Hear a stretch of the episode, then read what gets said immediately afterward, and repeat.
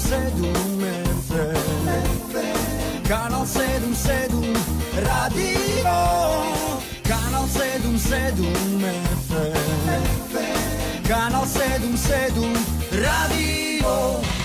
Stadion. Stadion.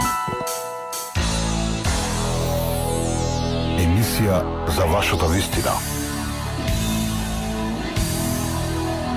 Stadion. Добро утро, Македонија. Канал 77 емисија специјално посветена на вашата вистина. Добро, добре дојдовте во уште еден стадион со нови парадокси и контрадикции. Парадоксите денеска ќе ги побараме во акционерството, акционерските права, нивната заштита, обесправеността на малите малцински акционери, нивните голготи по судските лабиринти, неопитноста или недоволната обученост, знаење на судството за овие платформи, нови алатки за инвестирање и финансирање на бизниси, а во модерното дигитално доба пред се за потикнување и мотивирање на младите предприемачи и храбрите инвеститори. Иако најефтин начин за финансирање на бизнисите е берзата, нашите компании како да не се заинтересирани за тоа. Се плашат ли од транспарентност, од партнерски односи и споделување на управувањето и на профитот, од исплата на дивиденда? Судирот на собствеништвото и управувањето создава нова вредност. Како да се мотивираат компаниите да излезат на берза, на докапитализација, како да се организираат и охрабрат на going public, например. Потребни ли се регулативни реформи и измена на економскиот устав, законот за трговски друштва? За безграничните и бесконечни можности што ги нуди дигиталната ера, за виртуелните платформи и шанси за идеи и предприемачи, наместо задолжување со кредити, денеска ќе дебатираме со Самир Јатив, професор на Американ Коледж, Јубица Рубен, консултант и Драган Лазаров, адвокат. Во наредните два часа ќе слушнете интервјуа со директорот на Македонската берза Иван Штериев и професорот на правниот факултет во Скопје Горан Коевски. Во продолжение следува Габи Додевска со сторијата која што ја обработува оваа тема низ призмата на проблемите на малите акционери со примерите на порцеланка и на тето. Да ве подсетам, можете и вие да ги пренесете вашите акционерски искуства. Поседувате ли акции, тргувате ли со нив, слободно јавете се на нашите телефони или пак пишете на Facebook, на Twitter. Габи Долевска.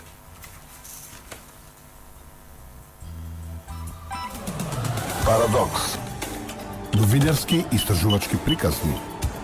Заштита на правата на малцинските акционери од злоупотреба на мнозинските во пракса на корпоративното управување во Македонија остана една од најсериозните слабости што е нотирано и од меѓународните организации. Евидентни се случаи на акционерски друштва кои завршуваат со децениски стечај како резултат на потезите на големите акционери на штета на малите. Сето тоа се препишува на личен бизнис интерес, подкрепено преку сомнителен начин, со примеси на корупција, преку злоупотреба на институциите. Кога се работи за компанија компании во малите средини, последиците ги чувствуваат сите, кога пропаста на фирмата е пропаст на целиот град. Бројни се судските спорови, преку кои малите акционери се обидуваат да докажат дека мнозинските акционери насилно и на сомнителен и коруптивен начин ги превземаат компаниите. Овие судски спорови некогаш завршуваат со ликвидација, додека за други голготата трае со години. Бројни се примерите, а веле се градот чии жители најмногу почувствуваа што значи моќта на моќните акционери.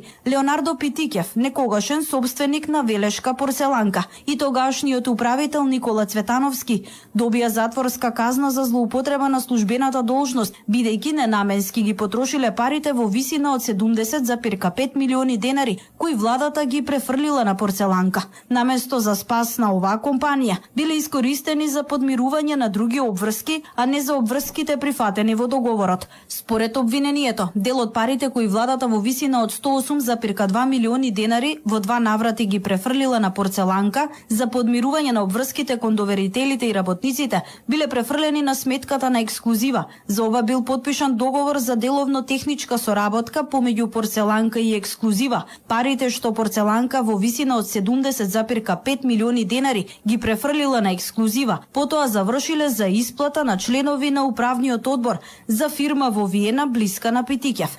Таму некаде помеѓу се се појавува тогашната фирма Кометал Трейд во собственост на Трифун Костовски, која била заинтересирана да ја купи порцеланка, но се откажува поради засега неразјаснети причини. Согласно судската пресуда во основниот суд Скопје 2 предпријатието Порцеланка, кое се јавува како доминантен собственик на капитал, видно од релевантните докази прифатени од управниот суд, пресудата на апелациониот суд Скопје 2009 година и пресуда на Врховниот суд на Република Северна Македонија од 2011 година, договор за продажба на акциите во Порцеланка, кои представувале 63,61% од вкупниот капитал, склучен помеѓу владата на Република Северна Македонија како како продавач и ексклузива Виена Австрија како купувач бил раскинат со допис на продавачот во 2013 година поради неплаќање на цената и неисполнување на другите обврски од договорот, што упатува на заклучок дека порцеланка во времето на престанокот на работниот однос на тужителот била во доминантна државна собственост. Звонко Самарджиев од Велес, поранешен вработен на работна позиција квалификуван керамичар во акционерското друштво Порцеланка, е еден од од многуте оштетени мали акционери и поборник за правата на акционерите, низ призмата на локалната компанија која беше важна алка во целокупната економија, раскажува низ каква голгота поминал изминатите години, кога во 2000-та година порцеланка заминува во стечај. Договор меѓу тогашниот премиер и господинот собственик на Кометол се договориле за да го решат статусот на порцеланка која беше една од петте најголеми закупари, да ја купи. Се отвори стечајна постапка со некои обврски да се откажеме од некои права што се вика во однос на побарувањето, затоа што порцеланка имаше побарување. Спорувам за работниците. Негде неполни 5 милиона марки во тоа време. Значи, ние мораше тоа да што прифатиме програма на кометал во која побарувањата наши прифаќаме да, да се претворат, мислам, во акции, не се, а не да се наплатат тие средства. Тоест, со таа нивна програма и државата и сите други фирми, тоест 51% од доверителите ако ја преуфатат програмата на Кометол, значи Кометол прифаќа да ја купи порцеланка. На собрание на доверители не се изгласа програмата со неизгласување на програмата, значи не можеше Трифун Косовски, тој Кометал, ни да влезе во фабриката да го преземе управувањето. И ден денеска, после 20 години, мене не ми е и јасно тоа. Раскажува Самарджиев, кој вели дека работниците останале на цедило и без никаква заштита од никого. Во пресудата од Основниот суд во Велес, како првостепен паричен суд во правната работа на тужителите и другите против тужениот порцеланка за исплата на плати и придонеси, спор во вредност од 862.968 денари по одржаната усна, јавна и главна расправа во присуство на тужителите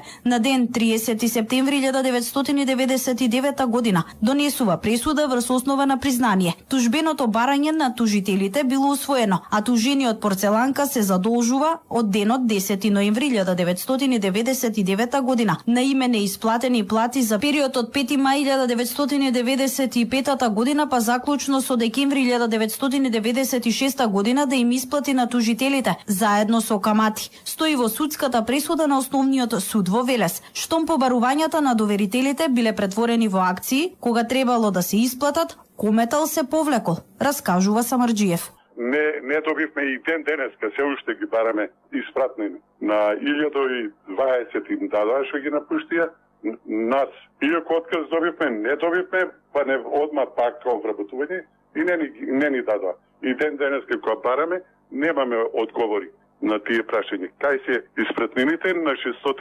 50 работници? Вели Самарджиев, што имаат заедничко порцеланка и тето? И двете компании добиваат помош од државата. Во првиот случај, финансиските средства се користат за личен интерес и случај за кој има пресуда со затворска казна. А во вториот, државата дава помош на компанија која е должник на самата држава, во случајов Централата Тето, за чии сомневања на работењето алармира и управата за финансиска полиција до обвинителството, а сето тоа на штета на акционерите.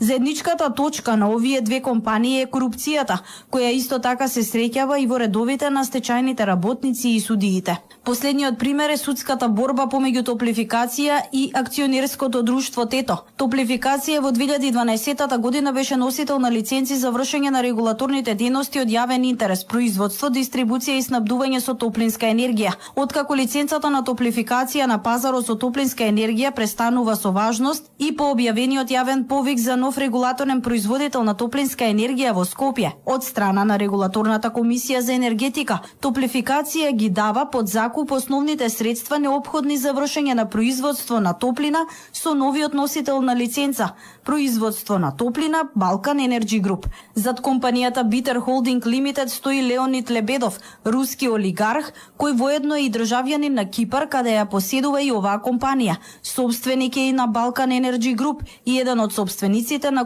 комбинираната гасна електрана Тето, која е основана во партнерство со Топлификација. Тето е акционерско друштво основано во 2005 година. Како независен производител на енергија го снабдува со електрична енергија пазарот на Република Северна Македонија Планот за реализација на проектот Тето беше потикнат од недостатокот на електрична енергија во Република Северна Македонија. Топлификација е акционер во Друштвото за производство на електрична и топлинска енергија Тето, која поседува 27 акции или 10. 1,8% од вкупниот број на акциите. Поборничките права кои веќе траат 8 години на акционерите во Топлификација започнуваат во 2013 година со формирање на Сдружение за заштита на правата на акционерите. По судски пат, Топлификација Топлификација и објавува војна на Тето поради неплаќање долг врз основа на вложување од 22 милиони евра. Ова се средства кои Топлификација ги вложи како коинвеститор во компанијата за производство на топлинска и електрична енергија.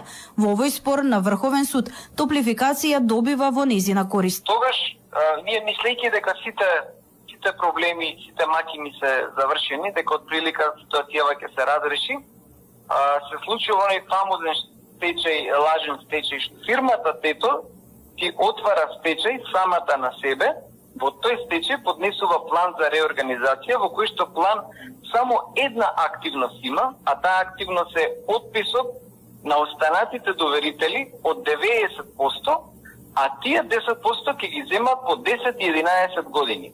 Тоа е конструкција направена да се уништи топлификација, затоа што вториот акционер во Тето е Питер Холдингс Limited, тоа е офшор компанија, која што не надгласува во тој план за реорганизација, така и оваа конструкција станува возможна, затоа што долг кој што го имаат, побарување кој што го имаат тие од Тето, кој што е кој што доспева по 10 години, тие со одреден документ, анекс договор кој што никој не го видел во ниеден ревизорски извештај до сега, ти го доспеваат за 7 дена. И така не надгласуваат и се прави овој план. Вели Ивица Стојановски, председател на Сдруженијето за заштита на правата на акционерите од топлификација. Во образложението на пресудата на Основниот суд Скопје 2 Скопје од 2015 година, судот го усвои тужбеното барање на тужителот Друштво за производство и дистрибуција на топлинска енергија Топлификација и го задолжи тужениот Друштво за производство на електрична и топлинска енергија Тето да му исплати долг врз основа на склучени договори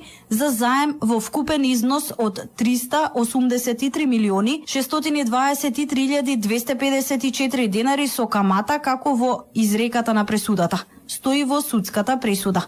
Со поголем интензитет на борба, малите акционери вкупно 2700 на број на топлификација започнуваат во период кога на 160-тата владина седница одржана во ноември минатата година се одлучува владата да му додели државна помош на друштвото на електрична и топлинска енергија Тето, која во меѓувреме фигурира како должник на листата должници во управата за јавни приходи, но и по кривичната пријава од управата за финансиска полиција. Во овој момент се вклучува и алармот кај Државната комисија за спречување корупција која беше пофалена во извештајот на Европската комисија испратен на 29 мај 2019 година, каде стои дека Република Северна Македонија во однос на борбата против корупцијата постигна одреден степен на подготвеност. Добар напредок е постигнат преку понатамошно консолидирање на евиденцијата за истраги, гонења и обиди за решавање предмети на корупција на високо ниво, како и преку промени во законодавната рамка. Од антикорупција Корупцијска информира дека поднесено е представка од страна на акционерите на топлификација и предметот се уште е во постапка на обработка и се работи на него. Има поднесено представка од страна на акционерите на топлификација и предметот се уште е во постапка на обработка, се работи. Со тоа што, бидејќи се работи за комплексен предмет, ние остваруваме комуникации со сите надлежни органи кои што биле вклучени во процесот, кога ќе завршиме со, со целата постапка и кога ќе имаме јасно издефинирани ставови, ќе искочиме во јавност и ќе го соопштиме нашиот став. Вели председателката на антикорупцијска Билјана Ивановска. Стојановски вели дека побарале одговори од владата за државната помош за тето, од каде добиле одговор дека доколку финансиски не помогнат, ќе нема грејење на територија на град Скопје. Морале да им дадат државна помош затоа што ќе паднал планот за реорганизација. Замислете план за реорганизација кој што е криминален, за кој што не тоа јас што го викам криминален сега, туку нивна институција која што е најмеродавна за финансиски криминал, тоа е управата за финансиска полиција на 21 јуни јавно на прес објавува дека поднесува кривична пријава за целиот овој случај лажен стечај и перење на пари во Тето до ОЈО за, органи... за гонење на организиран криминал и корупција. Од основното јавно обвинителство во рок од два дена од нивниот првичен одговор дека не е оформен предмет за доделување државни пари од владата за тето, работите се променија. Од обвинителство информира дека сепак постои предмет во основното јавно обвинителство и предметот е во предистражна постапка. Додека истрагата за лажниот стечај на тето поднесена од управата за финансиска полиција, од обвинителството велат. Судот издаде наредба за обезбедување податоци од страна на управата за финансиска полиција. По наредбата се постапува. Во меѓувреме се прибираат вербални искази, а јавниот обвинител се обрати и до повеќе институции за да обезбеди докази со кои ќе утврди фактичката состојба. Предметот е во фаза на предистражна постапка. Стои во писмениот одговор на обвинителство. Штетите од секога се препишувале на сметка на малите акционери и во процесот на префрлање на обштествениот капитал преку акционерството на сметка на вработените беше во корист на мал број на акционери, директори и менаџери на компаниите, вели Љубица Рубен, која подолг временски период ги следи проблематиките на корпоративното управување. Не постоеше, како што реков, македонска берза за, за продавање и трансфер на акциите, тогаш постоја само некакви книги интерни акционерски кои што се пишува и препишуваја и на тој начин многу од балсанските акционери останаа без акции, односно тие беа пренесени на на мнозинските на менеджерите и некоја мала група околу нив. Значи, тогаш законите тоа го дозволуваа. Значи, тоа беше, пак е речам, стратешки така направено, како превобитна акумулација на капиталот на одредена мала група на луѓе. И тоа, сите, сите институции на системот имаја на некој начин добиено налог да ги затвараат очите пред оно што се случува. Потребна е сериозна политичка волја, правната подршка од адвокатурата, професорите, судовите за да може на некој начин да се роди правна држава. На крајот ќе мора да се најде начин како да се излезе од овој лифт што е заглавен во подрум 30 години, потенцира Рубен. Според меѓународните прописи, акционерството се смета за најдобра организација за развој на компаниите, каде не е важно колкав број на акции поседуваш, туку важно е компанијата добро да работи и на крајот од денот да има дивиденда. Овој сегмент од емисијата е подготвен од страна на интегрираната редакција на Радио Канал 77 со поддршка на Американскиот народ преку Агенцијата на САД за меѓународен развој УСАИД. Мислењата изразени во овој сегмент на емисијата припаѓаат на редакцијата на Радио Канал 77 и не ги изразуваат ставовите на УСАИД или на владата на Соединетите Американски држави. Сигурен земјоделец е само осигурен земјоделец. Најголемиот осигурител во областа на земјоделството, СН Осигурителен брокер, започна со осигурување на посеви и плодови за сите земјоделци. Нудиме најповолни услови и цени. Контакт телефон 15 770. СН Осигурителен брокер Ада Битола. Стадион. Емисија за вашата вистина. Ја слушнавме сторијата за порцеланка за тето. Интересно, иако беше малку подолго. Габи, какво е искуството со фудбалерите, со фудбалот? Потешко беше да се комуницира или со акционерите и со овие заврзлами кои што се случуваат во таа област?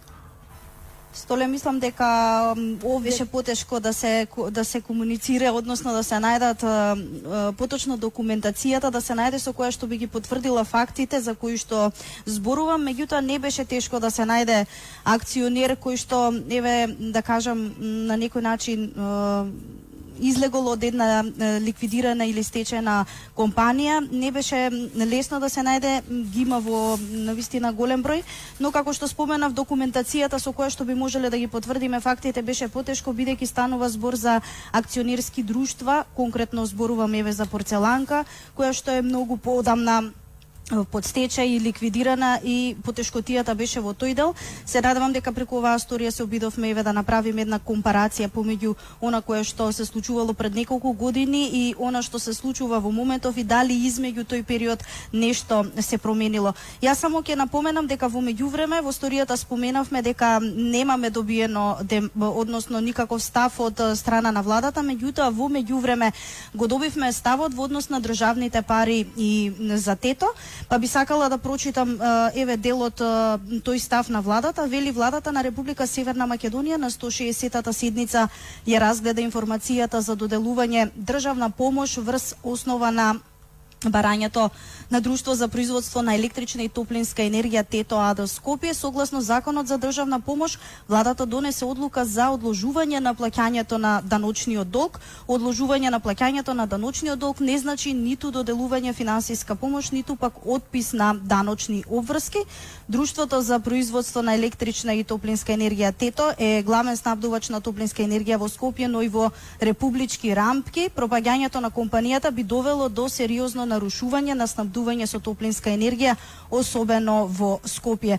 Државната помош е одложување на плаќањето на даночниот долг, не простување на долг, велат од владата, затоа Тето Скопје и натаму е на листата на должници покрај склучениот договор за државна помош. Комисијата за заштита на конкуренција е самостоен правен субјект велат од владата и објаснувањето на решението од страна на комисијата за заштита на конкуренцијата на службен во службен вестник велат не представува услов за реализација на државна помош и со донесување на решението Комисијата за заштита на конкуренцијата утврдила дека доделената државна помош е дозволена согласно закон за државна помош.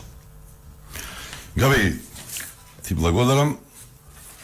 Во студиото се Самир Латиф и Јубица Рубен. Јубица Рубен веќе ја слушнавме. Може ли да биде ова поспокојно малку? Слушаме војна, слушаме стечај, измами, странски државјани, како да е некој трилер. Рубен и Латиф вие сте пионери во акционерството. Зборувам и за регулативата. Имаше еден проект токму од УСЕ, буквално од азбуката тргнувавме на пример што се акции, како се тргува, што е мечкин пазар, што е биков пазар и така. Јас тогаш бев вклучен заедно со вас и доста работи научив. Ја слушнавте сторијата. Повелете, Рубене, вие имате предност. класичен пример на, на жалост, на нефункционирање на законот, поготово законот за трговски друштва, во делот на корпоративното управување исто така, во делот на функционирање на стечајот и стечајните управници вклучени во целиот тој процес. Секогаш и понатаму, значи, само се мултиплицираат проблемите кои што беа почнати уште при, при започнување на процесот на приватизација. Значи, целта во ниеден момент не беше да се заштитат акционерите, кои што во суштина не се ни чувствуваат акционери. А, проектот што ние, ево и Самир беше вклучен, 4 години беше во Македонија и кој што беше прогласен за еден од најдобрите проекти, проектот за корпоративно управување и социјална одговорност, направи све за да го да подигни е, свесноста и е, знаењето како да си ги заштитат своите права акционерите Кој што во тој момент нема никакво познавање со статус на акционер. И од тука настанаја фактички сите злоупотреби, кои што само се мултиплицираат со годините како поминуваа. Акционерите сега, фала Богу, после толку време, се свестуваат и се и добро е тоа што се случува, што се што се случувало и што се случува со нив, кои што на некој начин цело време беа беа колатерална штета заради стратегијата како да се е, акс, е, приватизираат, односно земат е, компаниите без да се платат средства за тоа. И тука во случајот е тоа е, јас го гледам тоа како е, условно организирано е, организирана помош од сите институции на државата да се толерираат ваквите предмети, постапки, штети. И за ова прв пат јас слушав можда пред 10-15 години од прилика од еден експерт од Европа кој што беше дојден во Македонија и кој што ми го посочуваше случајот на порцеланка како пример или услов да се расчисти на вистински начин за да Македонија покажи дека на вистина има правен систем кој што функционира и кој донесува до остварување на правото на тој што го изгубил. Латив. Оака за двата случаја неколку коментари. Неам намера да е, решение на некој начин да предложувам, бидејќи колку што е, чув од сторијата и во двата случаи се инволвирани државни органи и тоа повеќе органи.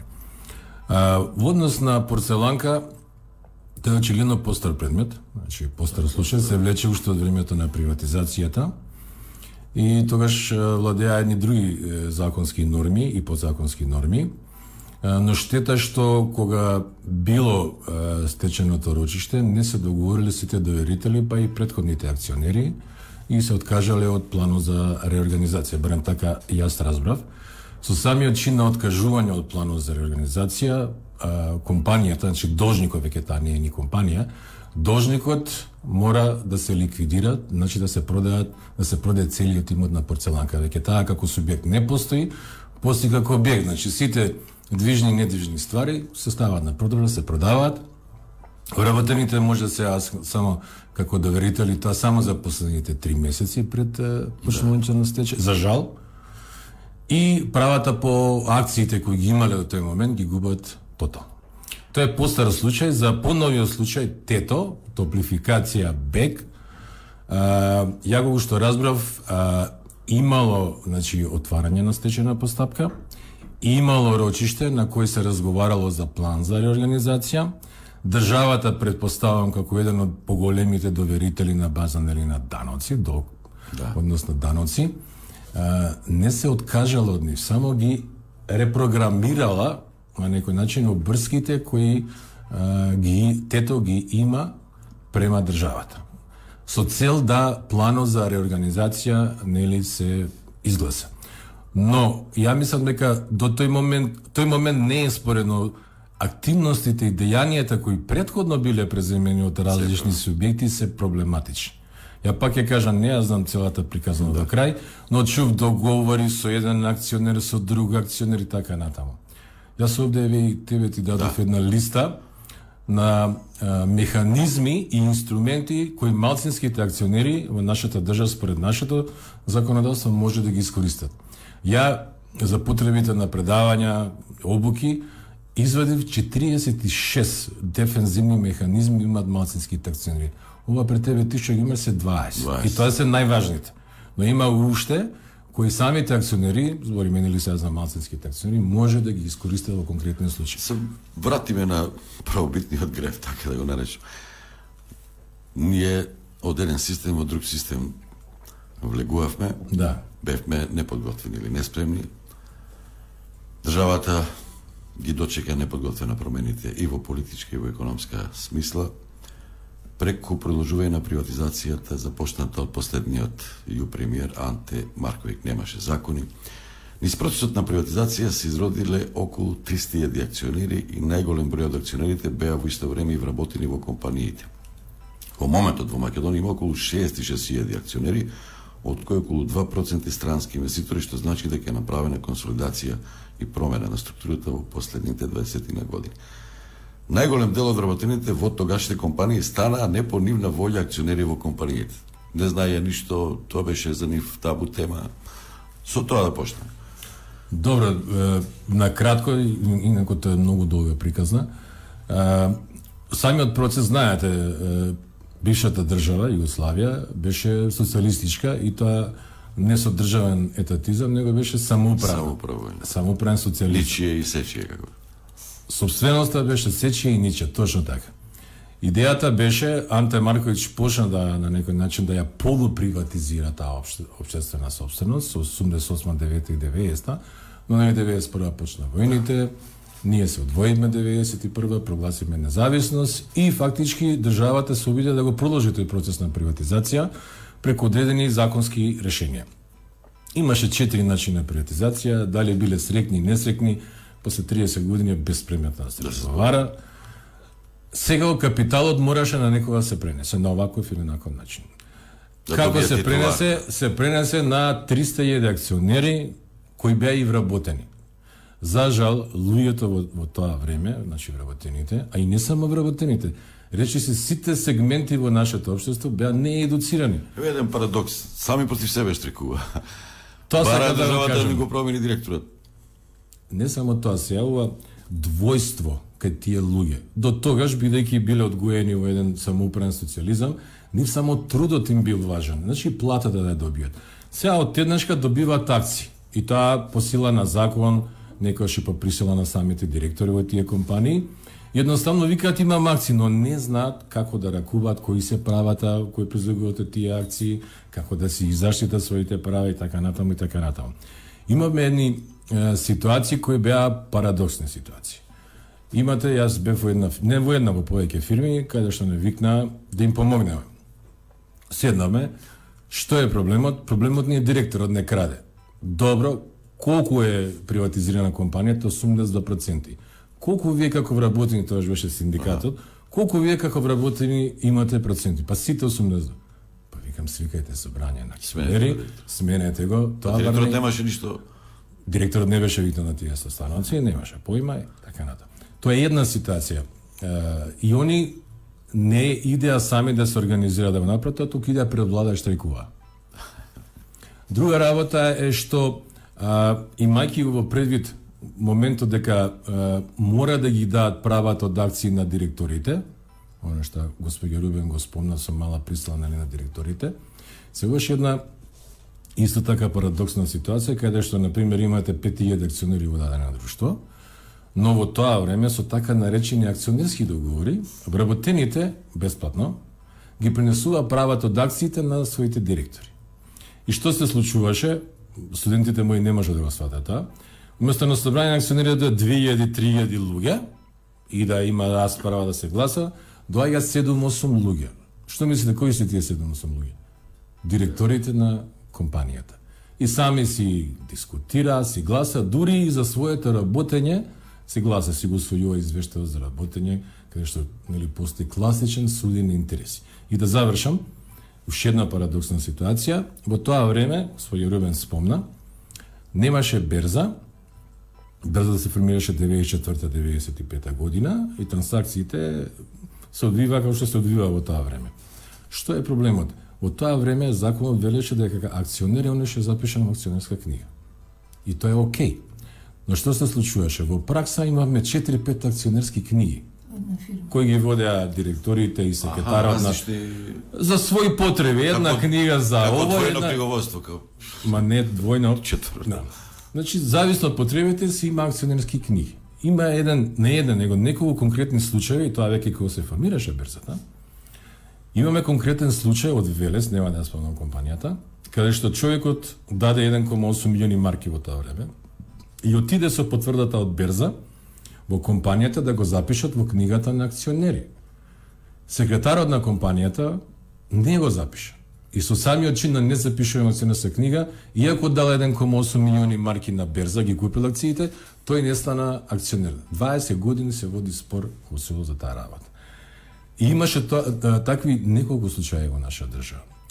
И знаеки го ова, знаеки го, не е тоа само правен геп, него геп и во институциите, во структурата на институциите, во 2001 се презеде реформа и се формираше денешниот централен депозитар за хартија од вредност.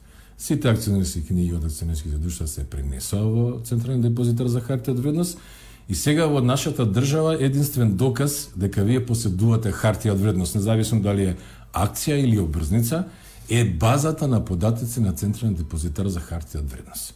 Само тој што ќе ви издаде потврда дека сами лати со тој и тој и сим број има толку и толку акции од карикира малка и од комерцијална банка, само тоа е доказ за собственост од дадената држава. Со формирањето и етаблирањето на Централен депозитар за хартија од вредност драстично се намалија нерегуларностите во овој дел. Ова околу директорите, тај да не споменувам фирмата, го праша во едно интервју еден од тие големи директори, како вие станавте доминантен собственик во еден комбинат.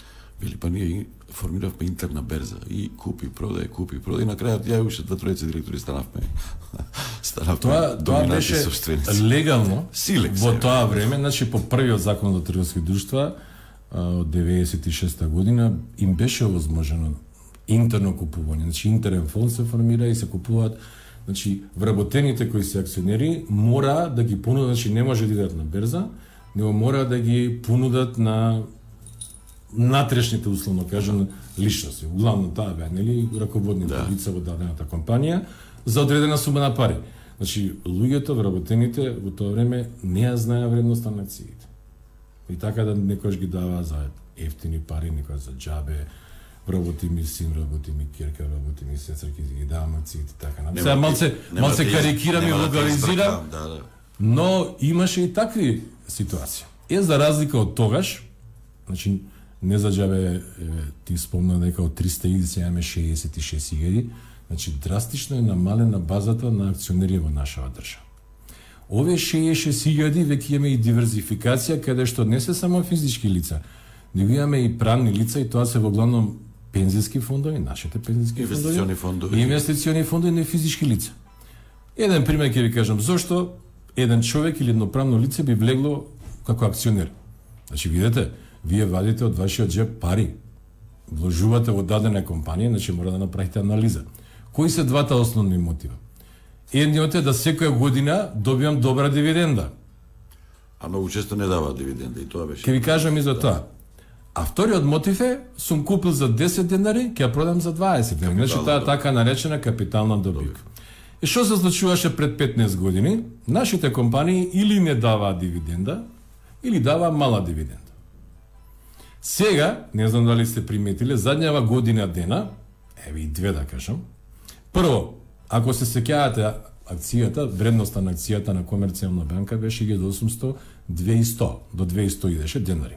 Денеска е 8000 денари. А вчера имаш информација че Фриганен скупил дора плюс. И не само тоа, значи не е веќе само цената, него и длабок е пазар, кога велам длабок е пазар, не е само рипање на цената, него се купуваат и големи количини на акции.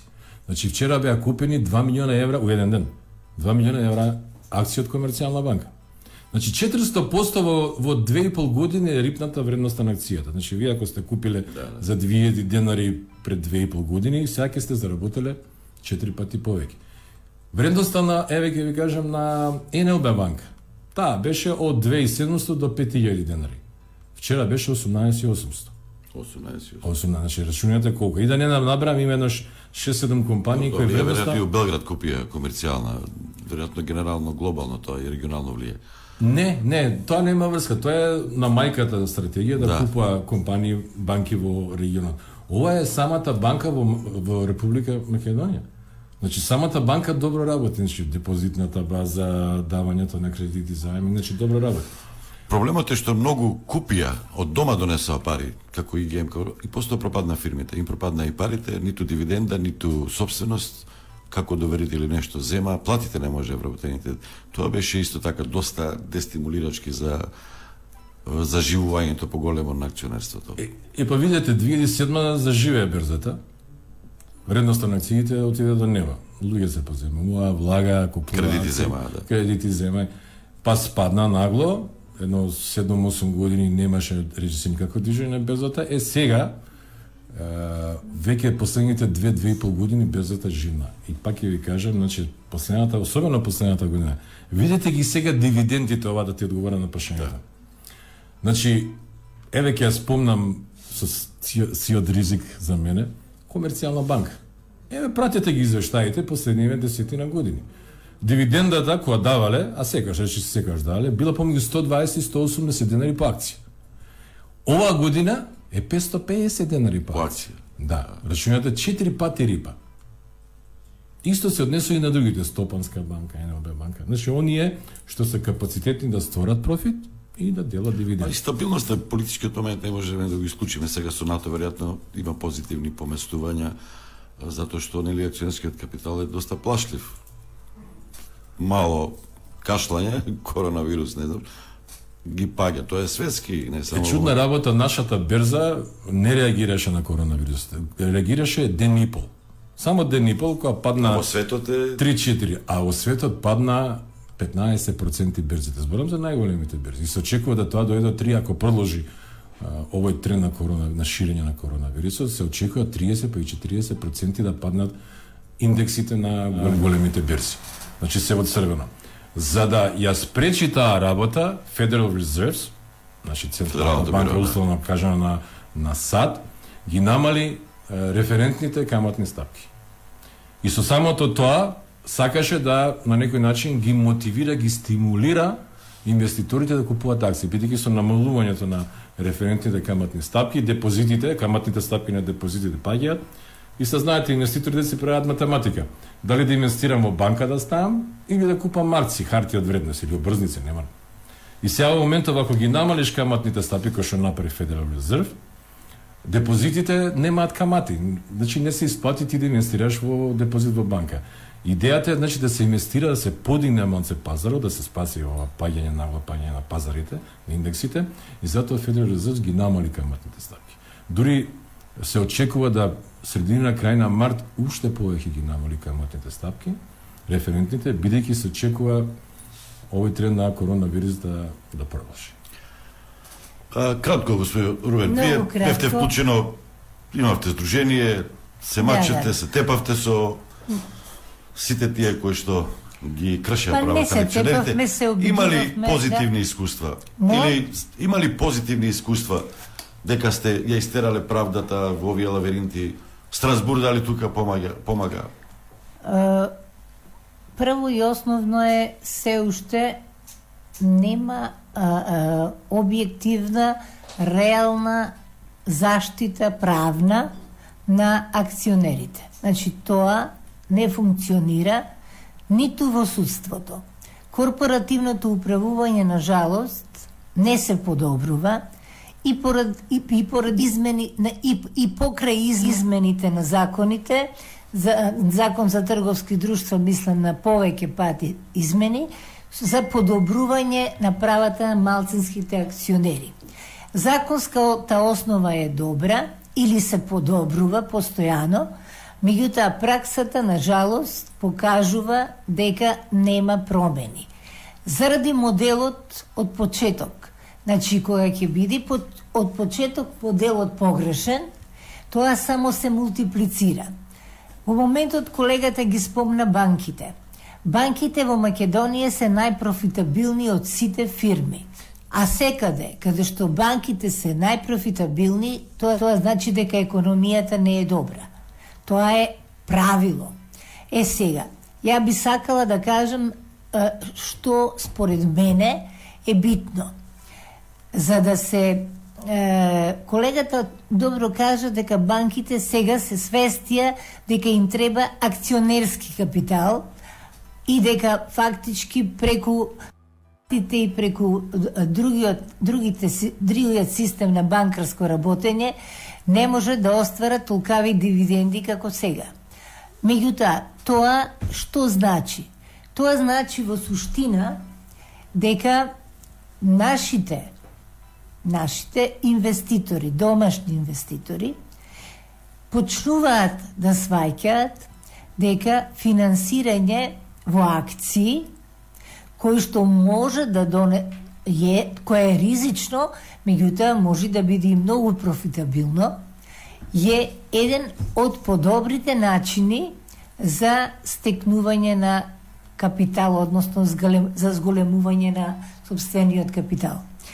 Тоа рачунајте дека 30 години кај нас беше надвор од реалноста, од логиката. Надвор од думата. Па. Затоа што а, јас а, дире, мислам, тврдам врз основа на искуство дека акционерството кај нас не можеше да профункционира не само што а, немаше берза за да тоа официјално, легално се тргува со акциите, се пренесуваат во интерно во фирмите. Значи, сето тоа беше надвор од законот, односно непостоење на закон кој можеше да ги заштити акционерите. Јас ќе ви кажам конкретно, кога законот за трговск за приватизација беше донесен, законот за уредување на односите меѓу акционерите, што беше суштински, беше направен, изготвен, ама се, се чуваше токму заради тоа да нема законски основ за да а, трансферот на акциите меѓу акционерите биди фактички надвор од систем онака како што менаджерите сакаја да ги пренесуваат тугите акции на вработените на свое конто.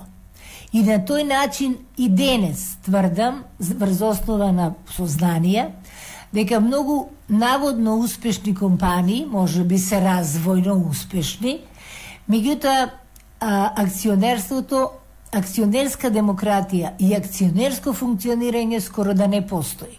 Еве како пример ќе ви кажам, има повеќе компании кои што се прогласуваат за компании кои што имаат обштествена одговорност да се успешни, тие се уште менеджерите имаат мал број на акции, до 30%, 70% се акционери вработени или надворешни акционери, меѓутоа немаат шанса да дојдат на акционерско собрание, бидејќи им наложуваат, поготово на вработените, им наложуваат да ги пренес, да сополномошно да, ги, да го пренесат правото на одучество на, на акционерско собрание на правник или било кој, кој што фактички гласа за сите нив без да знаат за што гласа. Има и други, дали ги повикуваат на собранија, дали ќе се јават во еден вестник, има обврска сега, па сменете и таа структура.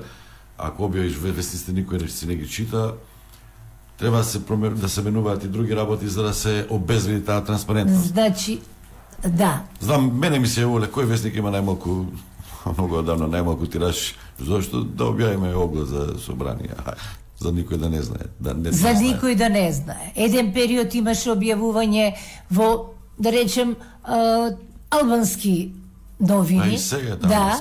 За, за да не разберат акционерите. Не на рака да им... Ета, видете сега. Тоа е... Адреса. Ма сето тоа е. Сето е тоа организирано и смислено, да не се лажиме сега. Ние сме правници, меѓутоа сме истовремено и граѓани на оваа држава и ги гледаме работите објективно. Едно е што ние во законите сме ги менувале, сме предлагале измени и уште предлагаме за заштита, а друго е дали тие законски норми во пракса се применуваат, односно има инструменти кои што ќе го тоа овозможат. Се уште јас според мојата констатација се уште тоа не функционира. Одиме понатаму со Горан Којски, професорот на правниот факултет. На студентите им го предава токму ова и тој беше вклучен во тие проекти на УСЕТ, приносењето на законот за трговски друштва. Да го слушаме господинот Којски. Поредбено со 90-тите години наламу кога започна акционерството во државата, нивото на знаење секако дека е зголемено благодарејќи нели постоењето на македонската берза од 95-та година наваму. Меѓутоа сметам дека се уште има место за место за подобрување во смисла што и во развиените земји каде што има многу поразвиен пазар на капитал, има измени дополнувања на легислативата која што уредува оваа материја. Тука особено мислам нели на директивите на Европската унија со кои што се уредува компаниското право, вклучително нели на акционерството, давањето се поголеми права на поединечните акционери, така што секогаш има место за подобрување во тој правец. Малите акционери многу често завршуваат на суд, се жалат, имаат проблеми, не ги викат на собрание. Како да се следи таа заштита? Дали институциите треба малку по сериозно и подсврсто да започнат со работа или пак тоа се решава со ова што го кажавте, со промени во законската регулатива? Познато е дека има добра легислатива во многу области, вклучително и во оваа област, меѓутоа самата примена на законите е прилично проблематична од аспект на познавањето на сите чинители во, во оваа сфера. Нашата држава не се разликува, да речеме, од другите држави во континентална Европа, каде што имаме така наречена концентрирана акционерска собственост со повеќе доминантни акционери. Има измени во постојните закони за каде што се даваат права на особено малцинските акционери, меѓутоа имплементацијата тука мислам како на самите друштва, така и на судовите, мислам дека заостануваме во тој капацитет за соодветна заштита на правата на малцинските акционери, а доколку нели некој не се чувствува сигурен дека правата по основ на акциите нема да му бидат соодветно заштитени и нема ни да се одлучи така лесно да купи акции, особено акции нели со право на на глас. Така што обуки кај делот, особено кај судовите кои што одлучуваат нели по, по спорови од оваа материја, иако во Академијата за суди обвинители има редовни обуки, меѓутоа сметам дека треба треба да има доста подобрување. Вие како професор сигурно кај младите генерации најдувате на голем интерес, затоа што дигиталното доба, дигиталната ера нуди многу можности за е така се за набавка на капитал на виртуелен начин, веќе и банките се скокаат, па имаме овие модерни платформи алатки како краудфандинг. Што треба да се направи за да се мотивираат повеќе граѓаните, затоа што акционерството или финансирањето на бизнисите, на новите идеи е најефтин начин преку берзата, да, не со земање да, на да, да, кредит. Да. Значи тука треба да има добри предприемачи и храбри инвеститори. Баш вчера имав предавање со моите студенти во врска со оваа материја и едно од прашањата ми беше во услови кога нели имаме негативни каматни ставки на депозити во некои држави од Европа каде што банките на, на ќе ви наплаќаат доколку ви ги чуваат заштедите. И прашањето до студентите беше дали би се одлучиле да купите на берза. Одзивот беше за жал, ајде изненадувачки од причина што само два тројца рекоа дека би вложувале во во харти од вредност, како нели екстерен надворешен начин на финансирање на потфатите, особено на што ве велите како добри идеи. Чувството е дека малци ми е непознаница дека е тоа голем ризик. Велам да, ама ризикот може да има и позитивен ефект. Така што, барем кај студентите по право кои што слушаат оваа материја, се уште постои една резерва во тоа дали би вложили колку би вложиле во акции од нови емисии. Меѓутоа, го отворивме и прашањето дека во услови кога нели европското население старе и кога тие пензиски и други инвестициски фондови ќе мора да обезбедуваат соодветни приходи, дека сакаме ние или не, ќе дојде до активирање, односно до разигрување на пазарот на капитал, се со цел тие фондови да вложуваат по акции, после со остварување на соодветни добивки или условни играјки на берза да генерираат приходи за своите пензионери. А тоа всушност и измените сите во легислативата на Европската Унија одат во тој правец да се акцептираат некои решенија од американските искуства, односно нивниот модел на корпоративно управување, каде што главниот начин на стекнување дополнителен капитал за водење бизнис е всушност донесување одлука за јавна емисија на харти од вредност. Зошто толку недоверба кај бизнисмените, кај компаниите? Не сакаат да котираат на берзата? Од транспарентност, али дивидендата не ја даваат и тоа е исто проблем. Дали е тој менталитет стариот, јас да се бидам газда, дури и партнери не сакаат да имат, а не акционери? За жал да, во право сте во оваа констатација, меѓутоа нашиот ФЕВ модел на корпоративно управување се базира првенствено на банките како главни даватели на тој екстерен надворешен капитал за финансирање на бизнисите. И во таква ситуација кога имате затекната состојба на условно една зацементирана акционерска структура каде што имате доминантни акционери подолго време, не сакаат промени, па дури има впечаток дека таа транспарентност која што се бара со законите, така и со нели правилата за тргување и котација на македонската берза, луѓето се плашат, односно не сакаат голема транспарентност, па дури доколку би можеле виделе оној реверзибилен процес на декотизација, односно од акционерски друштва да се претвараат во друштва со ограничена одговорност, меѓутоа сметам дека е тоа дел од менталитетот и токму заради тоа добро е да се работи дека транспарентноста е добра работа, особено доколку сакате нели да привлечете надворешни инвеститори кои би купувале ваши акции од нови емисии. Сигурен земјоделец е само осигурен земјоделец. Најголемиот осигурител во областа на земјоделството, СН Осигурителен брокер, започна со осигурување на посеви и плодови за сите земјоделци. Нудиме најповолни услови и цени. Контакт телефон 15 770. СН Осигурителен брокер Ада Битола. Млекара Георгиеви, кремасти и млечни, единствени и квалитетни. Млечни производи со традиционални и нови вкусови. Млекара Георгиеви. Стадион Контакт 032 397 707 и 397 727. Вибер и WhatsApp 072 607777. Канал 77.мк. Коса црта Facebook. Канал 77.мк. Коса црта YouTube. Горан Коевски професорот кажа доста интересни работи, ќе го коментираме малку подосна, разговараме за акционерството. Имаме слушател, добар ден. Реков, секој што има акции, тргува со акции, има интерес да тргува, да праша нешто, нека повели. Ве слушам. Ај, добар ден. Поздрав од Битола. И таман мисле дека ова тема нема да нема повеќе да се појавува во медиумите, еве тие сега, меѓутоа преполовена, извиличена или било како.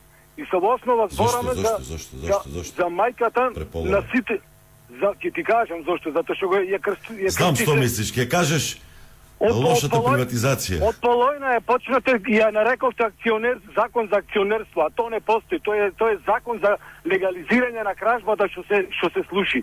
И сега сите глумат лудило. А уствари ова е мајката на сите проблеми што ги снајде работниците во во Македонија. Во рок од 37-8 месеци беа за, затворени, не знам, не знам, стотици и стотици фирми и се случи таа трагедија за преку 200.000 народ на улица. Ова е темата што ги што го поремети и здравствениот и пензионерскиот и начинот на вработување се поремети здравство, школство се да да не набројувам. Е сега јас сакам да го прашам само овој вашиот гостум, колку години имаш бе дечко ти? Ако искрено, За да може да продолжиме. Да. Затоа што има и помлад тука, има Драган дојде се Лазаров адвокатот. Не, тој. Што ве интересира? сега. Овој, овој, Добро. албанецот. Колку години има? Сега немојте се не е албанец. Сакам да му кажам дека тој беше дете мало кога се случуваја фамилиарните трагедии, кога останува без работа маж и жена низ, низ фабриките низ низ Македонија. Кога Ај луѓето вака, пие- а, значи кога кажа луѓето- дека веќе Самир кажа дека веќе е безпредметно, се зборува за тоа, милион пати е зборувано. И политичарите додека има некоја употребна вредност ќе го употребуваат тоа. Ќе се прави ревизија, ќе се прави ништо не е направено Значи, сега, се а неколку пати е променета власта. Така, се заборе. Зато детето, што сега ви збореше ни соли памет овде, Не, не, сега повторно го актуализира ВМРО ДПМН, а ќе подсетам на Груевски што велеше. Да, Не, јас ќе те подсетам направено е лоша приватизација, ама се е направено по закон. Јас ќе те подсетам што велеше Лупчо Гергиевски зато зо- зашто гласавме 90 Па и тој ветуваше ревизија, и па не ја направи. Па и тој. Затоа што тој требаше да ги праша богатите од кај му се парите и да не дојдеме до до овој степен. Зато Добро, нема да зборуваме за моделите сега на приватизација. Ајде, Затоа што и тие со ваучери имаат своји мани. За едно пиво ги продавале ваучерите во Чешка, во Полска. продава е така, така. И тој така мисли дека работниците доброволно му ги даваат на директорите. Тој никој пат не може да свати дека работниците беа оценувани за сите тие работи во својата Го кажа Не- тоа и не го Латиф и ама- Рубенс. ама не ја кажа лошата страна, дека работникот наш беше неук за ова, за ова сето. И за, дека ако сакавте да направите некој закон што ќе му поможи на работникот и тие имавме работници што по 40 години работеа таму и останаа на крајот со прсто в уста, а ново, новодојдени директорчина се направи енормни богаташи. Ако вие му кажете на работникот дека со овие негови акции, дека тој е господар на ова сето, тој инаку ќе беше сето. Немаше да ги дават за, за едно пиво. Добро, имате Значи, ли вие акции, купувате ли, тргувате ли? Не. Би тргували не, ли? Не, заради, заради, за- заради тоа што среќни тие фирми во Македонија што стигнаа до некакви акции. Па после можеа да се пазара дали ќе ги дадат за толку и толку. Имаше пример во Битола дека Боговски помина битолската млекара. Кај што зедоа од, од телефониската до, до чистачката зедоа стотици и стотици илјади евра. Зошто? И во цементарница добро зема и во мермер, Скопска пивара. комбинат во мермерниот комбинат во Прилеп. Значи ако сака може Ма ако сака може да го изигра тоа во корист на на народот и на и Добро, на... благодарам. Имаме уште еден слушател. Добар ден, повелете. Ало, добар ден. Добар ден. Добар ден. Ве слушам. Столе, добар ден. Добар ден нека. Аха. Не се, на телефонот не се слуша ништо вашиот глас, да ви кажам искрено. Ама ако ме Е, слушате на интернет, доцни. Опозиција... Повелете, на сам- ајде фокусирајте се на акционерство. Вие сте колку што знам бизнисмен. Веќе, почнав. Имате ли акции? Почнав, почнав, почнав веќе чека да кажам, што ќе кажам од никаде моравам. Опозиција на самиот себе сум веќе 30 на години. А веќе 25 колку вашата емисија постои, сум активен и обожавател и противник на тебе и подржувач на емисијата за овај стадион. А, така да, Петар Гошев а, имаше од мене добра оцена на два пати. Кога на Милошевич му рече ово ние Јужна Бановина Српска и си дојде во Скопје, од Белград се врати дојде. И кога на Црвенковски пат кога даде не таква оставка, не формира влада. Ако сте 100 души во радио канал 7, 7 ако е државно радиото, на сите по една торба да речеме или една рака, една шака. И после ако сум ја по-глупа, столе по-паметен, ќе рече, а бре, Ѓоко Брлоко, ти ако не си сема тоа, дај да го купам ја од тебе, колку беше 100 марки, еве ти 50 ма давам, давам го ме готово, ајде, ако не знам што да правам со тоа, толку е таа. Арно, ама, а, Човенковски не послуша ништо тоа и така да Гошев остана со само две, ама после падна Гошев лисми за тоа што отиде со Човенковски да коалицира за да биде нешто пак. И му реков, лично му појдов на го, реков, еј, ќе ти изложе тој. Не, мора со некој, абе, не мора со него, ако е со некога да не е со него. После Цимеци кога го поставја министр го сменија, пак му во брега, абе вика ти, а бре вика Ѓоко Врлоко. Добро, после му вратија, гувернер го направија добро. А, ајде вака, со акциите, имате ли вие акции? Кој е вашиот став? Абе, Тргувате ли со е, акции? столе, столе, столе. A be koja banka je makedonska be? Kakvi akciji, vo što da imam akciji, vo koje, vo koja u Starova da imam akciji? Koja je banka makedonska, kaži mi? Ko je Bešen Kostovski? Kako se uništila firmite? A be treba da dojde tajfa koja što siče kapitalistički stroj, vojedan stroj prema Kovnic i kapitalisti i parlamentarci i pratenici i ministri. Sve vojedan stroj za Kovnic. Ovo u ovih 30 godini во Македонија народот Добро, Македонија благодарам, благодарам, благодарам, благодарам, благодарам. Габи Додевска, дај прашање од Фейсбук, има ли нешто, коментари, реакции? Да, Столе има и коментари и реакции, има и прашања. Еве едно од прашањата зошто ни една партија не спроведе ревизија на приватизацијата државата. И еден наш слушател кој што редовно ни коментира на чатот на mms.mk каде што може да се вклучат и останатите наши слушатели да споделат а, свое мислење, да дадат став, да дадат а, да испратат прашање до нашите гости. Вели Славко Лазовски, вели поздрав до сите во студиото. Ова е најдобра потврда дека е голема лага, дека добри закони, а примената е лоша, најчесто доаѓа од така наречените надворешни е, закони. Тоа исто така кажуваат ние сме добри е, конструктори, ама оние од трета класа се лоши возачи, а нивниот автомобил не може да ве однесе од точка А до точка Б. Од него се гледа м, дека зимаат награда за своето м, изработено. Прв пат кога го пишуваат законот, втор пат кога се договараат во интересни групи да остварат така наречени народни дупки во законот и третиот пат кога се појавуваат како експерти во решавање на конфликтите.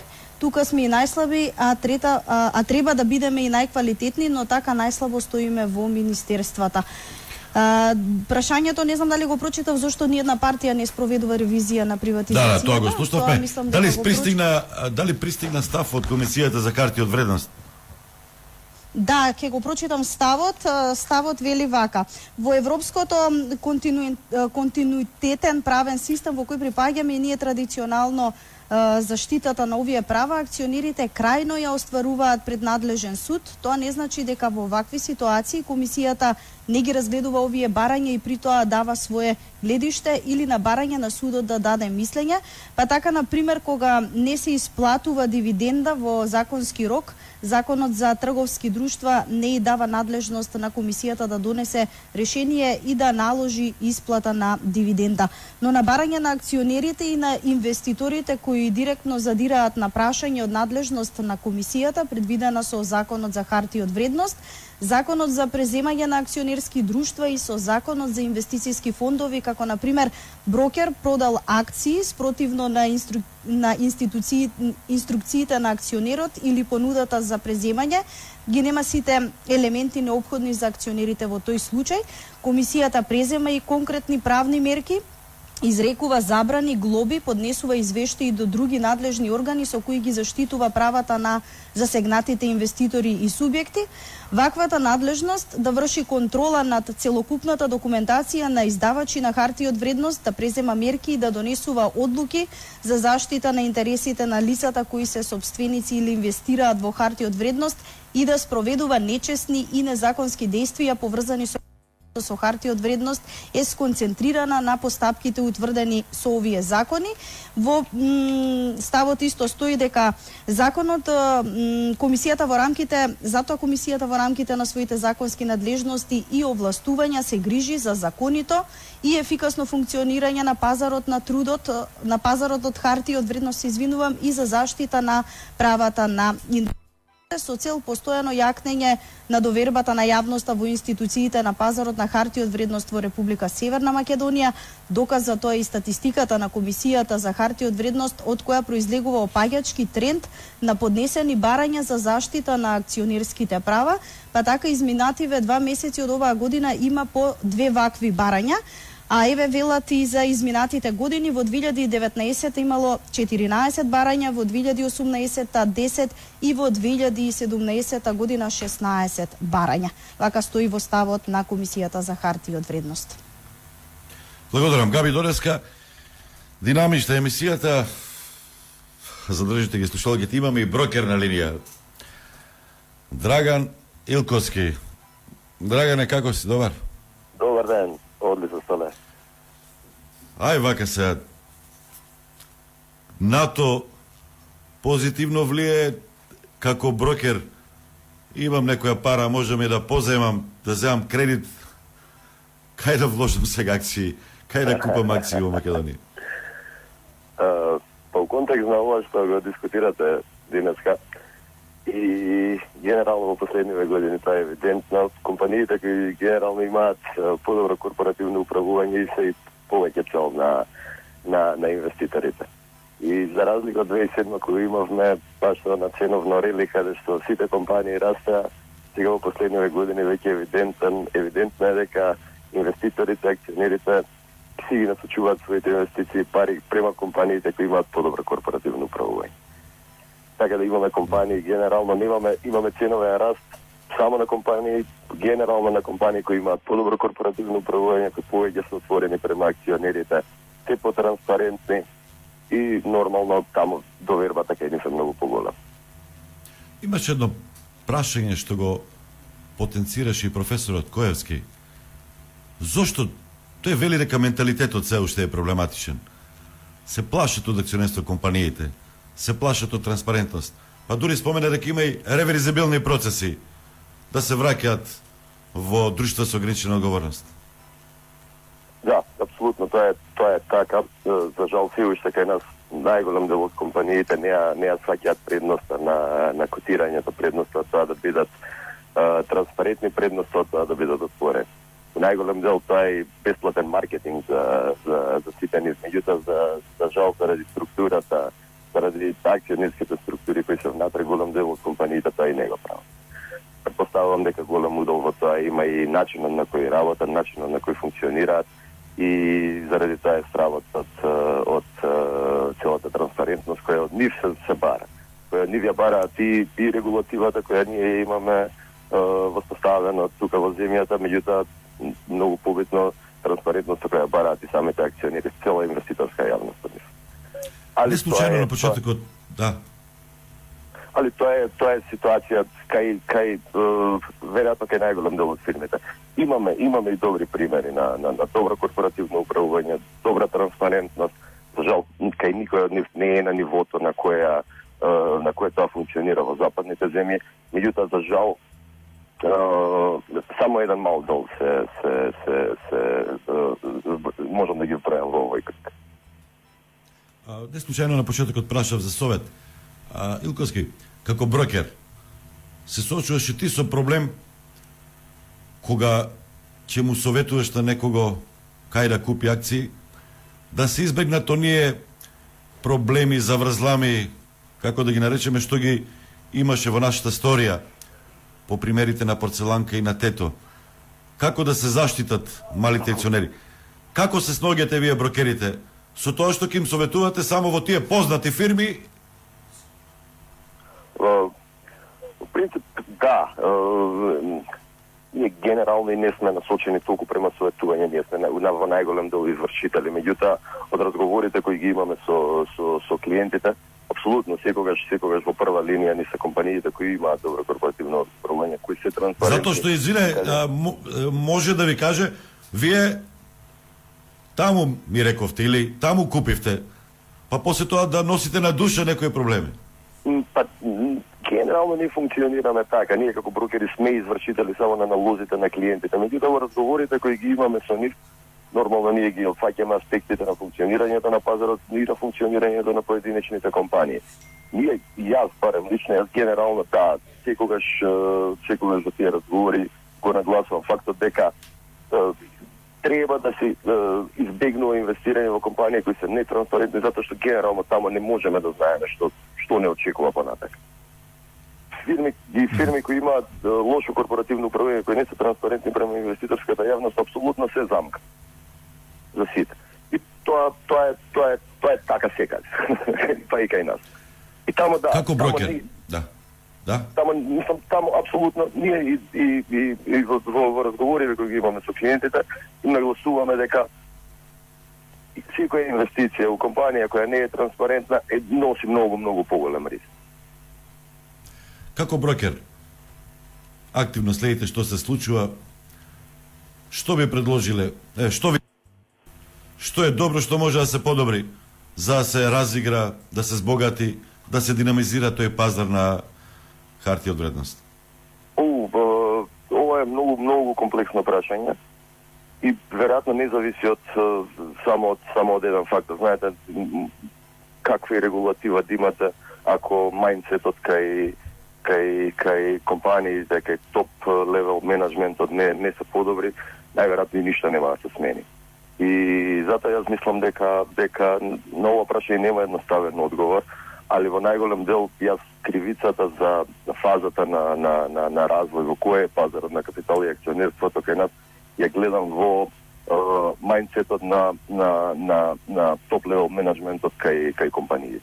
Многу многу ретко кај нас дури да немаме примери да било кој од нив е свесен за предностите на на котацијата, предностите предностите од тоа да се биде на перза и воопшто немањето на, на перцепција за, за, за собствениот, мислам, за, за, за развојот на, на, на компанијата и потенцијалот што може да го донесе и котацијата и учеството на пазарот на капитал. Илковски, да завршиме со модерните трендови. Дигитална ера, дигитално финансирање. Како брокер, може ли да кажеш нешто за тоа? Па, не... Или ние сме далеку? Да, меѓутоа тоа е тоа е тренд кој сега за сега знаете малку е отсутен од, од, од пазарите на капитал, затоа што не е тоа old fashion, меѓутоа истата истата истата ситуација е таа што ние веќе веројатно би цел веќе ја имаме.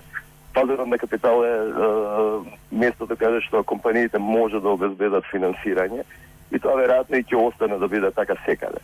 Е, за жал, за жал, кај нас го немаме, ја немаме динамиката која која ја има на странските пазари.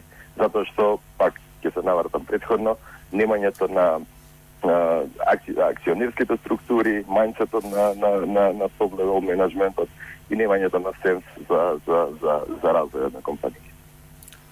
Благодарам Драган Илковски, брокер, шпарка се. Сакате коментар? Да. Повелете, Рубен ме, ме инспирира, тоа е вистината. Значи, во, според оно што ние го и, имаме како искуство од странските компании за кои ги застапуваме, тие надвор ги прават сите напори за да ги исполни условите за да добијат котација на берза. Во лондонска берза, Њујоршка и така натаму. И на тој начин фактички добиваат капитал за реализирање на проектите. Многу мал дел земаат кредит од банка. Значи, поголемиот процент е а преку акционерски капитал што го добиваат преку берза. Кај нас ситуацијата да биде појасна е ваква. Мораше да се донеси закон со кој имаше обврска компаниите да се котираат на берза. Во тој момент имаше се 100 компании од прилика кои мораа да котираат на берза. Кога тој закон престана да важи и забрана и е, налогот да, да наеднаш од 100 компании котирани паднаа на 50. А, значи не им беше било од зорд го правеа Значи, Значи, тоа зборува за мајнсетот. Значи, тоа зборува за незнаењето, за начинот на развој на компанија. Берзата е сваќаат како уја, па како Зашто? Да Затоа што се уште се, се уште нашиот менталитет е ситно собственички, односно дуќанџиски. Јас да бидам тој кој што ќе можам сам, јас сум газда. А овие овие што се е, околу мене не мора ни да мислат, него ќе добиват ако ако јас решам нешто да добијат. А... Тоа е и со дивидендата и тоа е и со све. Ке продолжиме веднаш по рекламите. Гости во студиото Самир Латив, Љубица Рубен и Драган Лазаров. Драган, а една реченица само добар ден. Добар, Како си? Првото прашање ќе ти биде размислува судиите не знаат, адвокатите знаат, акционерство знаат како да ги советуваат или нивната умешност зависи од близината со судиите. Реклами, па се враќаме, зборуваме за акционерството.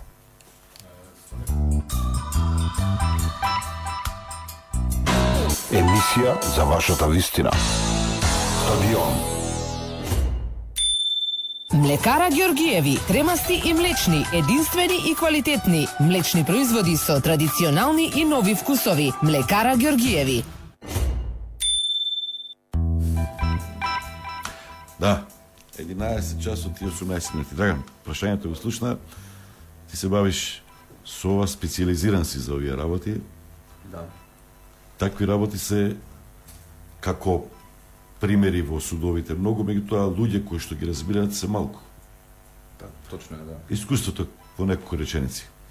Еве го слушна и брокерот, го слушна Коевски. Така. Релативно си млад, Така, ние се специализираме за трговско право, корпоративно управување. А, а, позната ни е доста материјата, мислам нашата канцеларија специјално работи на оваа тематика. А, исто а, во поглед на акционерските друштва одамна се занимаваме со со работа со нив, со нивна правна заштита, уредување, корпоративно Како го избравте тоа? Обично кривичари, убиства, затвори, таму повеќе пари има или и тука има. Тоа е мислам дека општа заблуда дека таму има повеќе пари. Затоа и многу е актуелно, гледам, мислам и во последно време нели сите кога се збори за судството, првично и пред се се фокусираат на кривичните затоа што таму се интересни материи. Како материја е интересна, нели па и сега и, и предходно било така. Меѓутоа, лично за мене, цивилниот, он, граѓанскиот, он, поточно трговскиот дел е далеку поинтересен. Ама и покомплициран. Да, Не е црно-бело не, толку. Па има а, пр, пред се се работи за море од прописи, значи се работи за многу голема, многу обширна, многу обемна материја која што постојано се се менува и еволуира. Тоа што зборевме за легислативата, значи а, да, законот за трговски друштва е основата кај што меѓутоа а, тој не е напишан во камен. Дојдено е време и доаѓа постојано Библија, време, да. да. Значи тоа е основата и е добра основа, цврста, меѓутоа како еволуира системот, како еволуират а, еве напредокот кон капитализам да речеме, така се јавува и потребата од одредени измени. А, законот за трговски друштва во некои делови веќе одамна е спремен, подготвен е за да трпи Веќе анахрон, значи. Па да, би требало да држи чекор со модерните случувања пред се во Европа. Исто важи и за другите регулативи. Еве конкретно за хартиите од вредност. Ние имаме со професорот тоа дискутиравме, имаме добра имплементација, меѓутоа имате а, тоа е еден од начините и на заштита на она што преска некој искоментира во однос на тоа каков бил законот, кого штител.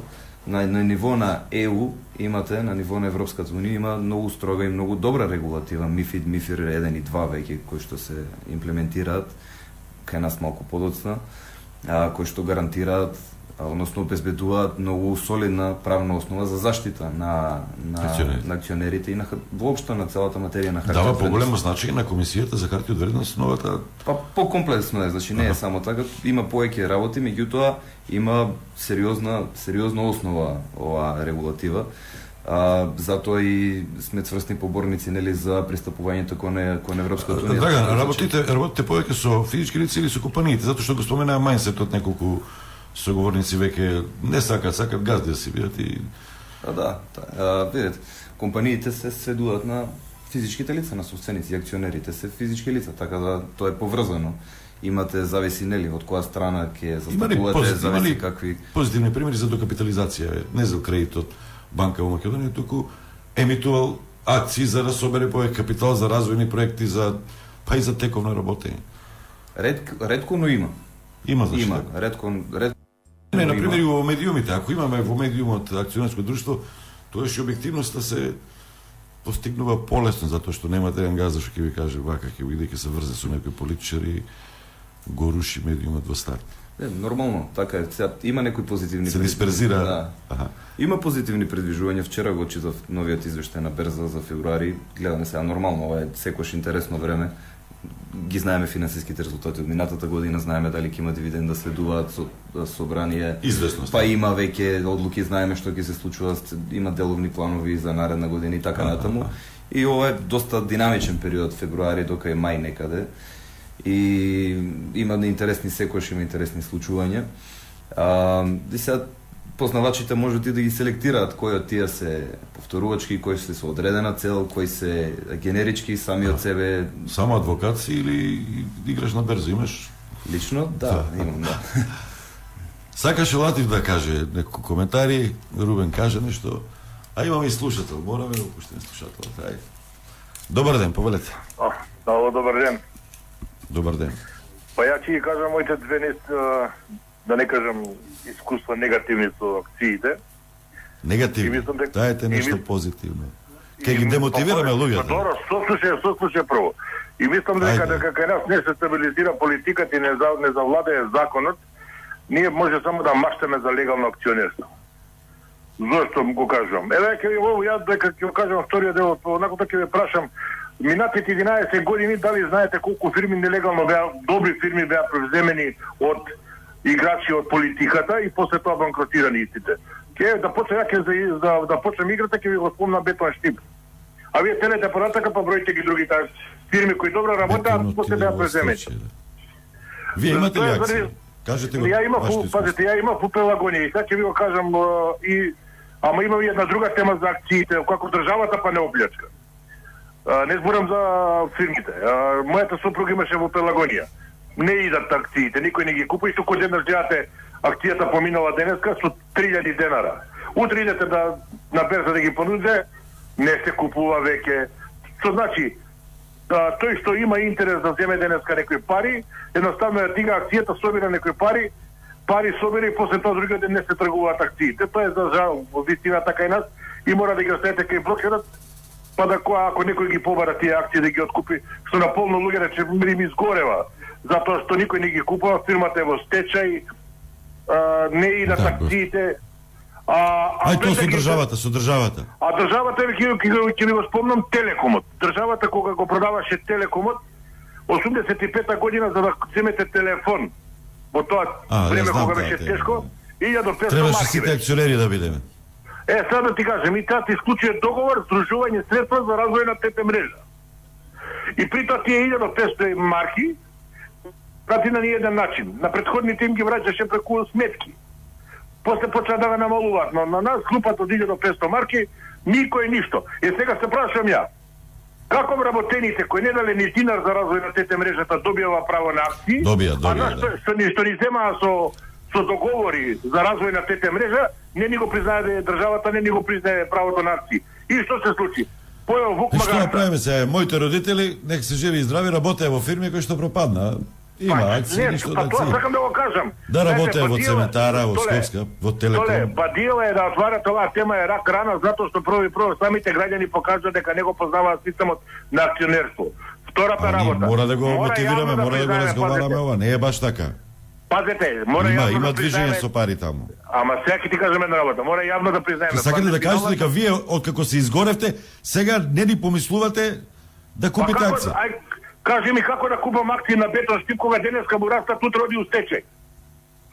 Ајде да не речем од некоја друга фирма, па видете што му се случи. требало информации пред тоа да Чекај, па соберете еден, да... ајде, ајде да збориме од газдеве на тето кога сакаа да го преземат Мак Петров, што му правеше државата на Андреа. Колку пријави му пишуваше само за да ги продаде акциите, да ги ослободи при акциите на пазар додат. Мислам, знаете нешто, ајде да збориме отворено што се случуваше. Кој го притискаше со кривични пријави Андреа Јосифовски да, да ги отвори акциите на вработените да идат на пазар, само за да му ги купат? Јас или државата? Да, да, да. Кој беше Добро, благодарам. Друг на- слушател, уште еден слушател. Добар ден, добар ден, повелете. Ало, добар ден. Ве слушам, ве Слушате? слушам. Да, Ало, ве слушам. добро. Се јавувам од Велес. Од уште еден, е, како што кажавте, град што е најмногу изгорен со тие акции. Многу добро знаеме сите дека у минатото Дерзата и сите сета приватизација конкретно со акциите беше само дел како да се уништи у Македонија економијата. Конкретно, ако спомнам пример, 2001-2002 година, според мене се случи најголемиот криминал, што тогаш екот на кризата, воената криза, преку ноќ се продава фирми на акции на берза, што не знаја вработените дека дори уопште има акции, преку ноќ се вадеа фирмите на берза и преку ноќ се откупува. Еден од тие примери е Велешки Трансвелес. Вемо, Трансвелес имаше само плац кај топилница што кошташе тогаш 2 милиона марки. Возен парк имаше возила над пола милион марки. А на берза преку ноќ луѓе што во Велес уште се локални мокници го купија за 500.000 марки. Во сето тоа и добија право тие пари да ги уплатат откако 30 дена ќе влезат во фирмата. Државата им даде право да влезат во фирмата и после тоа да го откупат е, да ги доплатат акциите. Што значи со парите од фирмата они фактички да си ја купат фирмата. Тоа е само една случка што се случи. На крај знаеме многу добро што се- велеше ништо се случи ни, ни с Тоа е една фирма само. И безбор многу други фирми. И од тука моето прво прашање како народот денеска да има доверба, како да кажам, доверба да се обиде повторно да купува акции. Зошто го поставам ова прашање? Јас во тоа време од друга фирма во Велес, од мојата покојна мајка наследив акции. Таа фирма отиде во стечај, демек ја избриша, а имаше многу капитал, имаше инвентар, имаше многу многу а, делови. И денеска истина тоа кога прашав конкретно што се случило со тие акции, се обидов да добиваме информации, не рекоа дека фирмата е во стечај, фирмата не постои. А денеска истата таа фирма повторно работи и со истото име. Моето прво прашање е како а, јас дали имам некако опште право или дали можам тие акции некако да си повратам, нешто од тоа или да добивам или чисто како акционер да фигурирам ако не повише. За дивиденда ратак не подобро пошто студирав на економски факултет и знам ка целата процедура како како е добро. И второто прашање ми е, помнавте за газди. Јас сум собственик на мал бизнис. Освен во банката за кредит, друго место никаде не не погледнуваат. А, како да се обидам на берза, ако сакам да правам акционерско друштво, кога за би бил е, мал играч, не бил не бил интересен за инвестиција и така натаму и така натаму. Кој е конкретно на вашите гости совет како би можел нешто да конкретно зборуваме за акции за да можем да го развијам мојот бизнис, за да можем да го ширам мојот бизнис. Ви благодарам многу. Благодарам, благодарам. Поздрав. Господа, повелете, прашање неколку. А многу работи, ќе се обидам на, на кратко на сите. И ова беше најдобро последното. Е, сака Еве да заинтересиран почнем, имаме човек. еве да почнем од прашањата, па после ќе идеме од што викаме ние правниците поединечно кон општо. Значи за да идете на берза имате два начина. Едниот начин да се трансформирате во акционерско друштво и да се котирате на берза. А вториот начин е трошок тука, затоа што Има, Има има, има, трошок, да не се лажеме. А вториот начин е, ако вашиот бизнис е интересен и е така за во експанзија, но ви требаат пари, значи имате идеја, имате пазар, имате производ и ви требаат пари да го доразвиете, значи да не само Македонија, туку и во регионот работите и извезувате, тогаш се иде преку така наречен going public или а, преку иницијална јавна понуда. IPO на англиски, Initial Public Offering, а, но и во, во таа ситуација ви мора да се трансформирате во акционерско друштво. Во првата ситуација не барате пари, само се трансформирате и веднаш котирате на берза, а во втората ситуација барате пари од јавноста, значи од инвеститорите да вложат во вашиот бизнис, издавате така наречен проспект во кој кажувате јас сум тој и тој, имам толку и толку бизнис, толку и толку, значи се за вас. И да да И добрите и лошите. Значи максимално транспарентно. И добрите, но и лошите. ограничување колку треба да биде бизнес, затоа што слушателот спомена јас Не. сум мал бизнес, нема Не, не, нема ограничувања, тоа зависи од самиот газда, затоа што вие може да бидете мал бизнес, например десетина вработени, но имате идеја, пазарот у Германија, карикирам, сакате да го освоите, ќе вработите уште 200 вработени, но ви требаат пари. Со парите што би ги прибрале од јавноста, значи сите инвеститори, кога велам јавност, мислам на инвеститори физички лица, правни лица, инвестициони фондови и така натаму, Ако успеете да ги приберете, онда вие си котирате, си работите, се експандирате и на некој начин сте во јавноста, но ностоп се потенцира транспарентност. Значи, вие мора да бидете максимално транспарентни. И добрите и лошите страни мора да ги прикажете. И што е најважно, кога барате пари од јавноста, мора да убедите јавноста дека ако ми даеш денес 10, ја утре или за 5 години ќе ти дам 20. Значи, никој инвеститор нема да влезе бидејќи ве сака или ве знае, него едноставно влага со интенција да направи профит. А, само да, да кажам, а, значи, најголемите светски фирми моментов. Значи, ја ќе кажам пет, кои моментот имат вредност над 1 трилион. Значи, сега искочи Арамко. Кај нас ИПО имаше обид, но без успех. Кај нас имаше обид, а, видете, они го викаат дека е успешен, тоа е Попова кула. Значи, по мене не е. Имаш уште два нови обита за IPO неуспешни. Но тоа е долга приказна. Кога правите IPO, треба да бидете спремен, во смисол да бидете подготвени вие лично како собственик на бизнисот, понатаму треба да го истражите пазарот, кои се инвеститорите, со колку пари може да влезат и тек тогаш да искочите Пак му треба ноу-хау дополнително нешто. Дефинитивно ноу-хау. Значи тоа не е едноставна работа. Вие да барате многу пари, а тек така само да искочите на пазар и да земете пари. А, само да кажам, значи најголемите светски фирми моментов, кои се над 1 трилион долари. А, Арамко, тоа е а, саудиската Арабија Саудиска. нели на фамилијата на Саудиска Арабија фирмата, искочи пред два месеци во јавност, преку IPO, но само на 5% од капиталот. И вредноста еден ден, мислам дека беше на 19 декември, беше 2 трилиона долари. Тоа е најскапата компанија во светот во моментот. Па иде Apple со 1,3, па иде е, Amazon, па Microsoft и сега од пред некој ден и Google. Тие се пете компании кои преку овој начин IPO доше до многу пари, а и имаат сега и вредност и многу пари. Тоа е во однос на IPO-то. Во однос на прашањето дека имал акции во фирмата на неговата мајка, па му рекле дека е у стечај. Трансвелес го спомена, да. Предпоставувам за Трансвелес не можам да коментирам пошто таму има многу активности, треба да се види убаво предметот да. кој како што. За конкретното прашање, предпоставувам дека таа фирма може би влегла во стечај, но низ план на реорганизација искочила од стечајот но не може да ги врати акциите, бидејќи ни стои план за организација кога ќе отворите стечај на одредена фирма, сега си правниот субјективитет, значи тој веќе не е субјект. Тој е само маса, објекти, значи движни и недвижни предмети. Во тој момент згаснуваат акциите, се замрзнуваат, значи веќе нема никој акции. Има само доверители. А може финти така да прават некои со стечај цело време. Видете, тоа е кривично дело.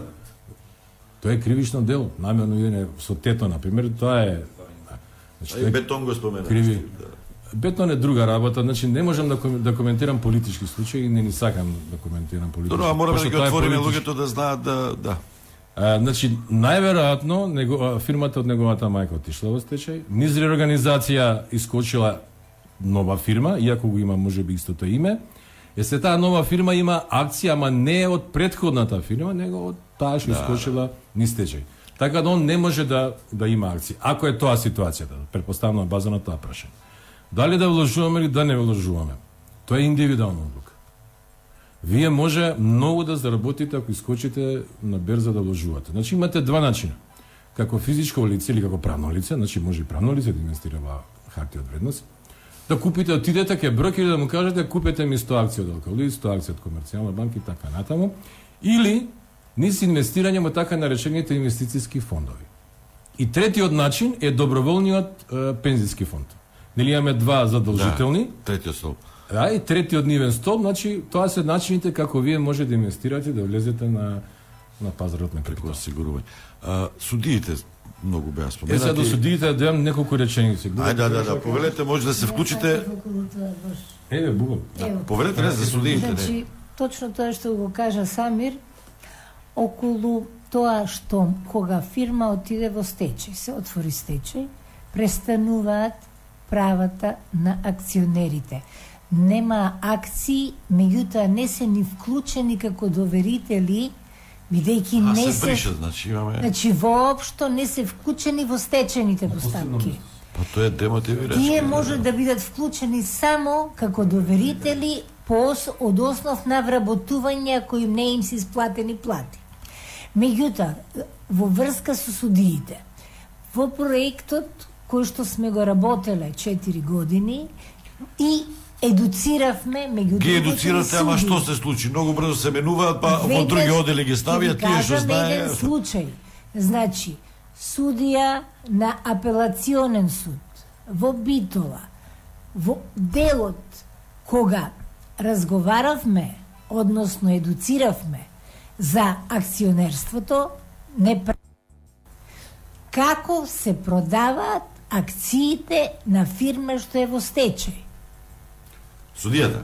Судијата не праша, мене лично ме праша. И јас се сеќавам. Прво помислив дека се шали.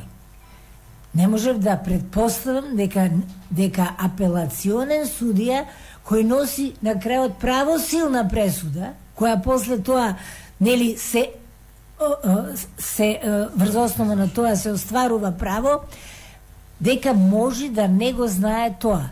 Јас за да бидам за да биде тоа појасно, ја прашувам, дали мислите на акциите што фирмата што отишла во стечај ги имала предходно купено во постоечка фирма, за да можете да ги продадете и тоа да го приходувате во процесот на исплата на доверителите. Она вика не, акциите на фирмата што е во стечај. Како тие да ги продадеме? Ова сакам да кажам нивото на, на знаење на судиите околу акционерство. Околу транспарентноста може да се случи, тоа е конфликт на интерес, судија да има акции некаде. Па да или не треба да го истражите во тоа. случајот, во случајот не беше тоа. Ама може да биде. не беше тоа. Само јас са- само сакав да ви кажам адвокатот да нивото провери, на да. знаење. Веројатно Драган го знае малку Драган искуство да каже би го твоја. Заради што како адвокат. Тоа е екстремна ситуација, во такви ситуации судијата сам треба да се иземе ако знае дека има директно. Ако знае, ако не сека па има многу може да случаи отпуст. ако не знае. Не, не, он знае, ама може да не каже. Тоа се длабоки последици понатаму, повлекуваат секаква одговорност. Значи прво тој судски процес целосно Драган слушна прашањата, повели што ги интересира луѓето, значи многу овие работи може да демотивираш, меѓутоа има и работи кои што се бенефити, кои што се позитивни. Како да ги потенцираме тие? Затоа што вака ако разговараме, ќе се заробиме, се јавија слушатели, веќе никош нема да помислам акции да купам.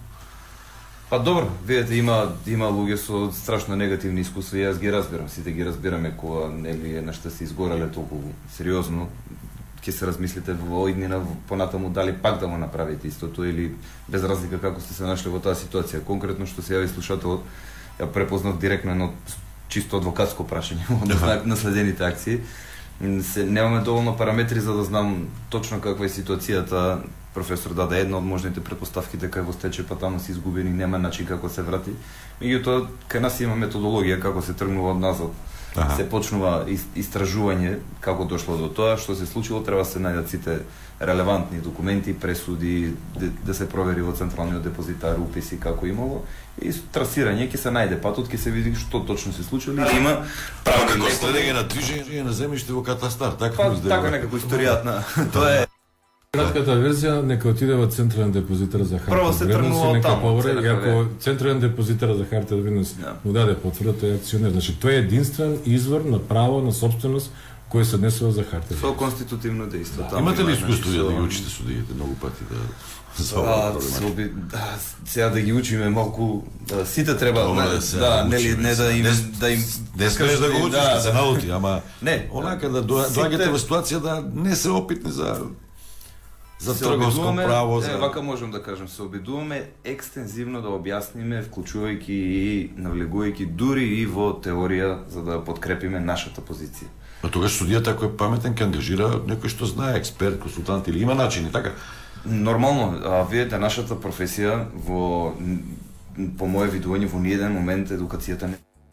Ако сакате, ние со завршувањето, со стекнувањето на лиценцата, правосудниот испит, почнувањето со пракса, вие значи дека сте остручен за се да работите во сериозни материи со сериоз, со многу многу Со динамика голема. Многу про, значи о, право многу прописи.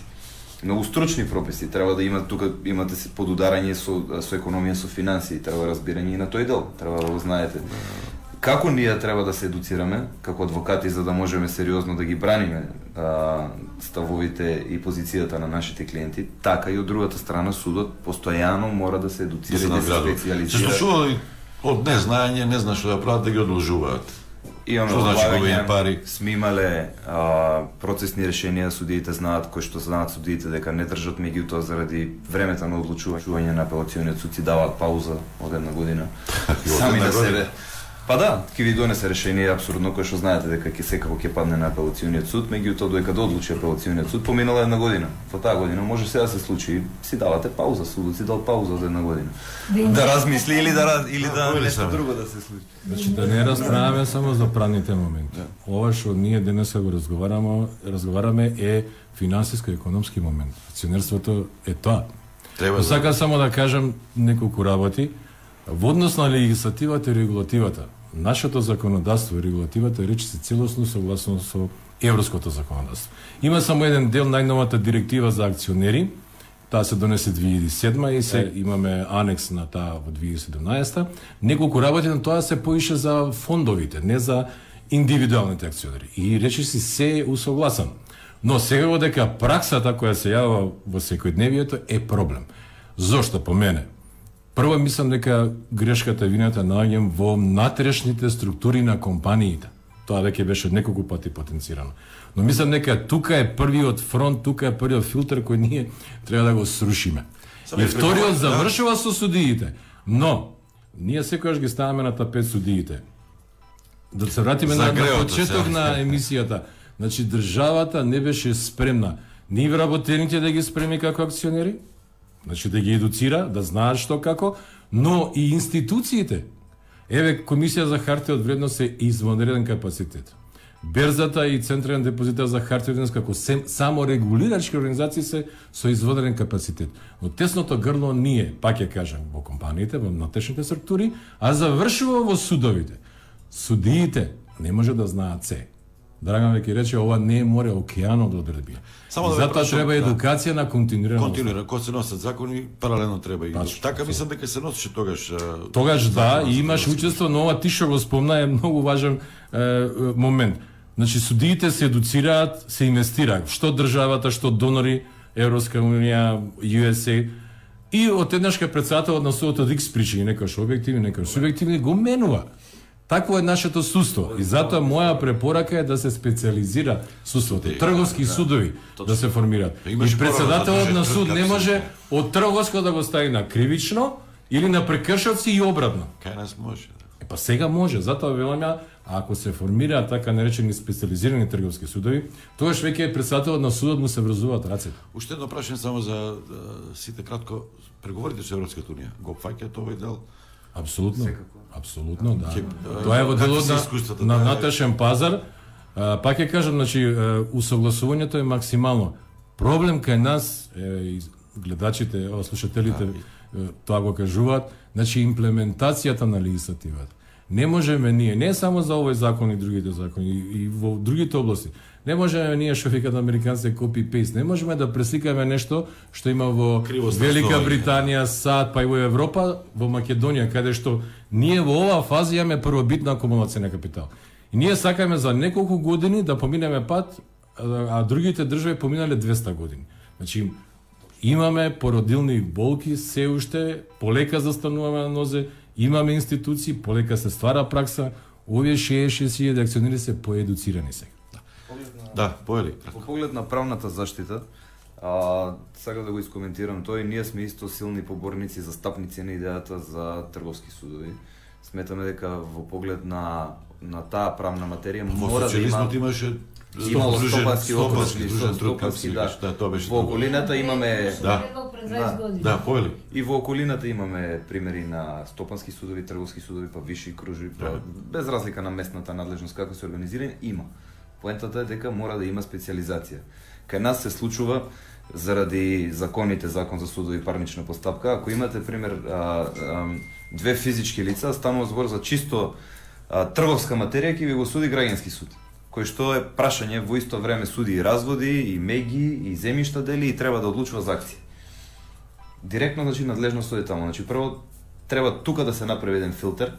Значи Да. кај нас филтерот е дали е кои се странките, дали се дали Да. се физички или правни лица. Ако се две физички лица оди во граѓанскиот оддел на судот. А се акционери. Да, А се акционери. Збориме за акционерски права, збориме за хартии, значи има тука X мил, не, огромен број на можности за за можни спорови, за случување на спорови. Меѓутоа, заштитата, правната заштита, да, примерна кај нас по како што е поставен системот е судот. Значи е примерна и највисока заштита. Предходно има одредени инстанци, како што е Комисијата за харти од вредност и јас морам да ги пофалам дека се доста проактивни а, изминатиот период, веќе имаат сериозен, изградено сериозен капацитет. Меѓутоа, судската заштита е таа која што е уставно загарантирана, која што го дава еве некој нешното- за предлог да има трговски судови, да, Да. се специализираат Да. или да има одели. Меѓутоа, да. да. Трговски одели има, меѓутоа збориме за суд, кој што ќе само со тоа ќе се занимава без разлика кој се Да, има, ама се гишета и внатре се- во судот може да има одредени оддели на тоа е прашање на организација. Имаме примери ќе ви дојде некој од неготивно работел. Прекрши си сега треба да се веднаш Се случува тоа. Се случува. Тоа не е случајно. Не е само Па заради тоа изборуваме, да. Не е само посвесно да се постат работи, да се тужиме. Превенцијата, Е, тоа е, едукацијата, промоцијата. Ај за тоа, со тоа ќе финишираме, имаме уште 15 минути, има да го слушнеме. А, Иван Штериев, директорот на Македонска берза, што ќе каже на оваа тема? Посебно е тоа забележено последните неколку години во корелација со овој тренд на паѓањето на каматните стапки глобално и регионално и кај нас, се повеќе физички лица се охрабруваат и купуваат околу половина од прометот што го имаме, например, во последниот период, се должи на купување на македонски физички лица во овие главни компании што се тргуваат на берзата, се во нашиот индекс МОБА и 10. Кај нас има доста котирани банки, имаме неколку други компании од фармацевска индустрија, од градежништво, од е, телекомуникации, така да има промени позитивни во, во тој правец. Од аспект на користењето за финансирање на компаниите, тука работите идат поспоро. Не само ние, туку и пошироко во регионот, берзите и пазарите на хартија не може да се пофалат дека компаниите ги користат во голема мерка, пред се банкарско финансирање продолжува да биде доминантно. На што се должи тоа? Не сакаат да бидат транспарентни или тој менталитет? Јас да се бирам газда, да не делам со никој друг, дури партнер не ми треба. Или треба дивиденди да дава таа сушност работат самите против себе. Ако имаме предвид дека поскапо е да земат кредит отколку со докапитализација да обезберат капитал и за развој. Па видите, ова е прашање За милион долари. за милион долари дефинитивно. Прво, не е ситуацијата само кај нас, така, туку го поголемиот дел од овие поранешни, нели, плански стопанства или порано како ги нарекуваат земји во транзиција, значи слични, дури и во земји кои што под некои економски индикатори се далеко поразвиени него Македонија, како Словенија, како Словачка и така натаму, дури во некои сегменти дури и полоши статистички гледано, значи постои тој страст Така кај компаниите и кај доминантните собственици на компаниите за да не се разбодни собственичката структура, лесно добиваат кредити. Банкарскиот сектор повторно не само кај нас, него и пошироко е многу капитализиран, ликвиден во последните години и без проблем тие добри компании се финансираат така. Дали има или нема трошок при финансирање на средства, има трошок во делот на тие еднократен е трошокот и тука е предност, значи вие како компанија кои ќе соберете средства еднаш имате некој трошок за консултанти, за некакви провизии према институциите и после немате трошоци. Но тука е, да речеме, некоја анализа што го прават компаниите и главно одат на банковско финансирање, веројатно во некои услови на поинакви нивоа на каматни стапки, тоа ќе се промени. Имавме неколку развојни фази и нашата берза и другите во регионот. Во 90-тите години углавном бевме инфраструктура за приватизацијата, па потоа за концентрација на собственоста, па пред десетина години беше оној бум пред да се вклучи финансиската криза, па потоа долго траеше тој посткризен период и на последните години имаме раздвижување, позитивен растот на прометот на цените и веројатно се создаваат услови и овие работи да ги имаме во реалноста и уште нешто што би сакал да кажам и генерациите се менуваат што е потребно. Значи веќе имаме и предприемачи и инвеститори кои се помлади, кои што веќе израснале во овие пазарни услови, веројатно они полесно ќе носат одлуки во овој правец. Институционалниот аспект, и тој може да биде, кошчица може да биде и двигател. Со даноците се средили тоа, кое што беше дестимулирачки? Се одложи за уште известен период од данучувањето на капиталните добивки, така во, во тој институционален фискален амбиент поволно е окружувањето во момент. Околу регулативата потребни ли се измени? Еден законот за трговски друштва има нови директиви.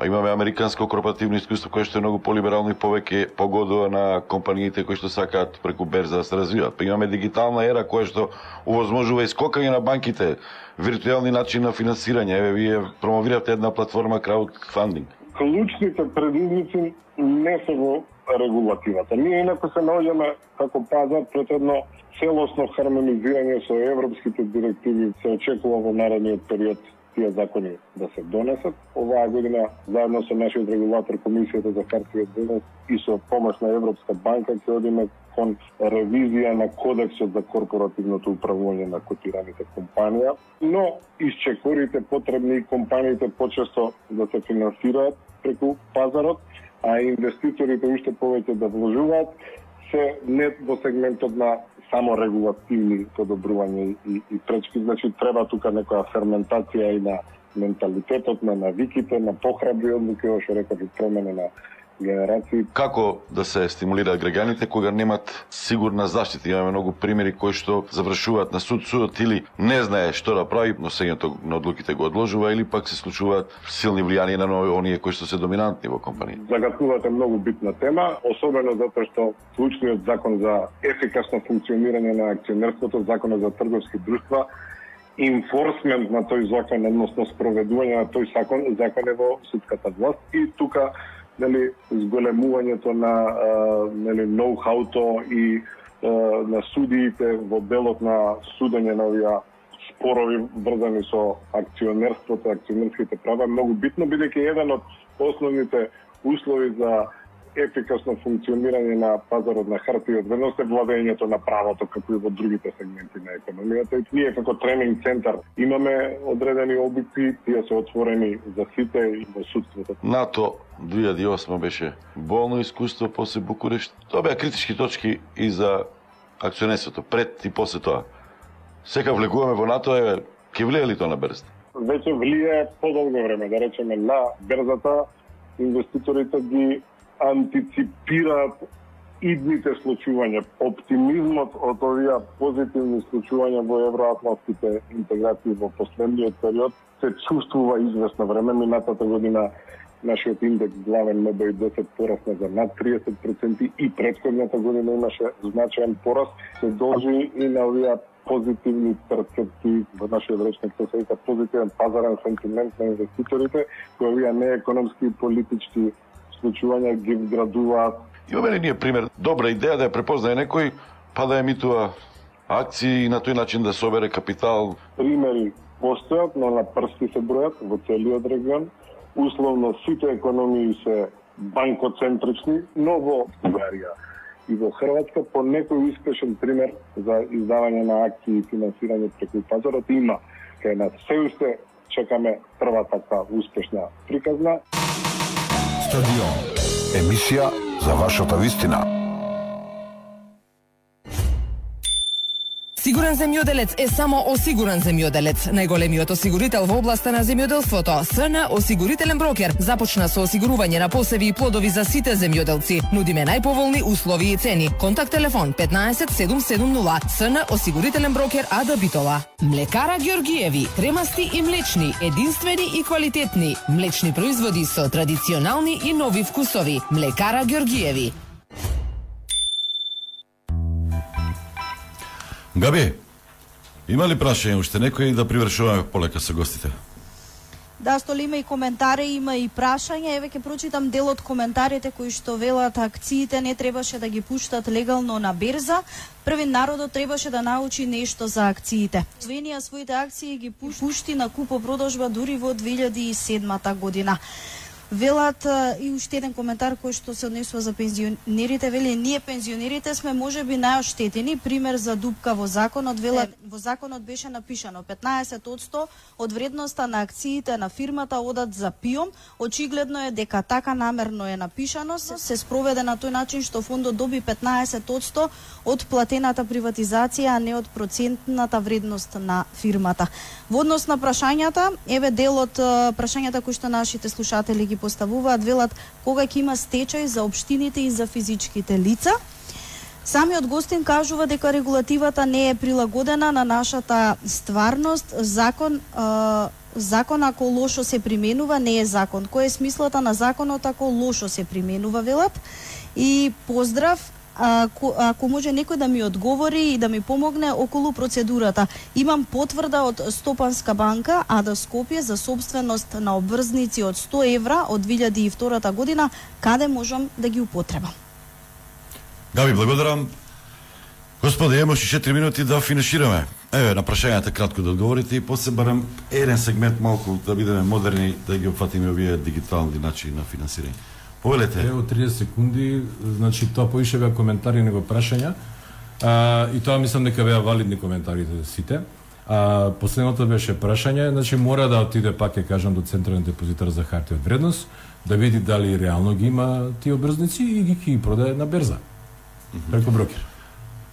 Што се однесува до евентуално фактички одење во стечај на општини кога немаат приход, односно од приходот што го создаваат не може да се ги покријат трошоците.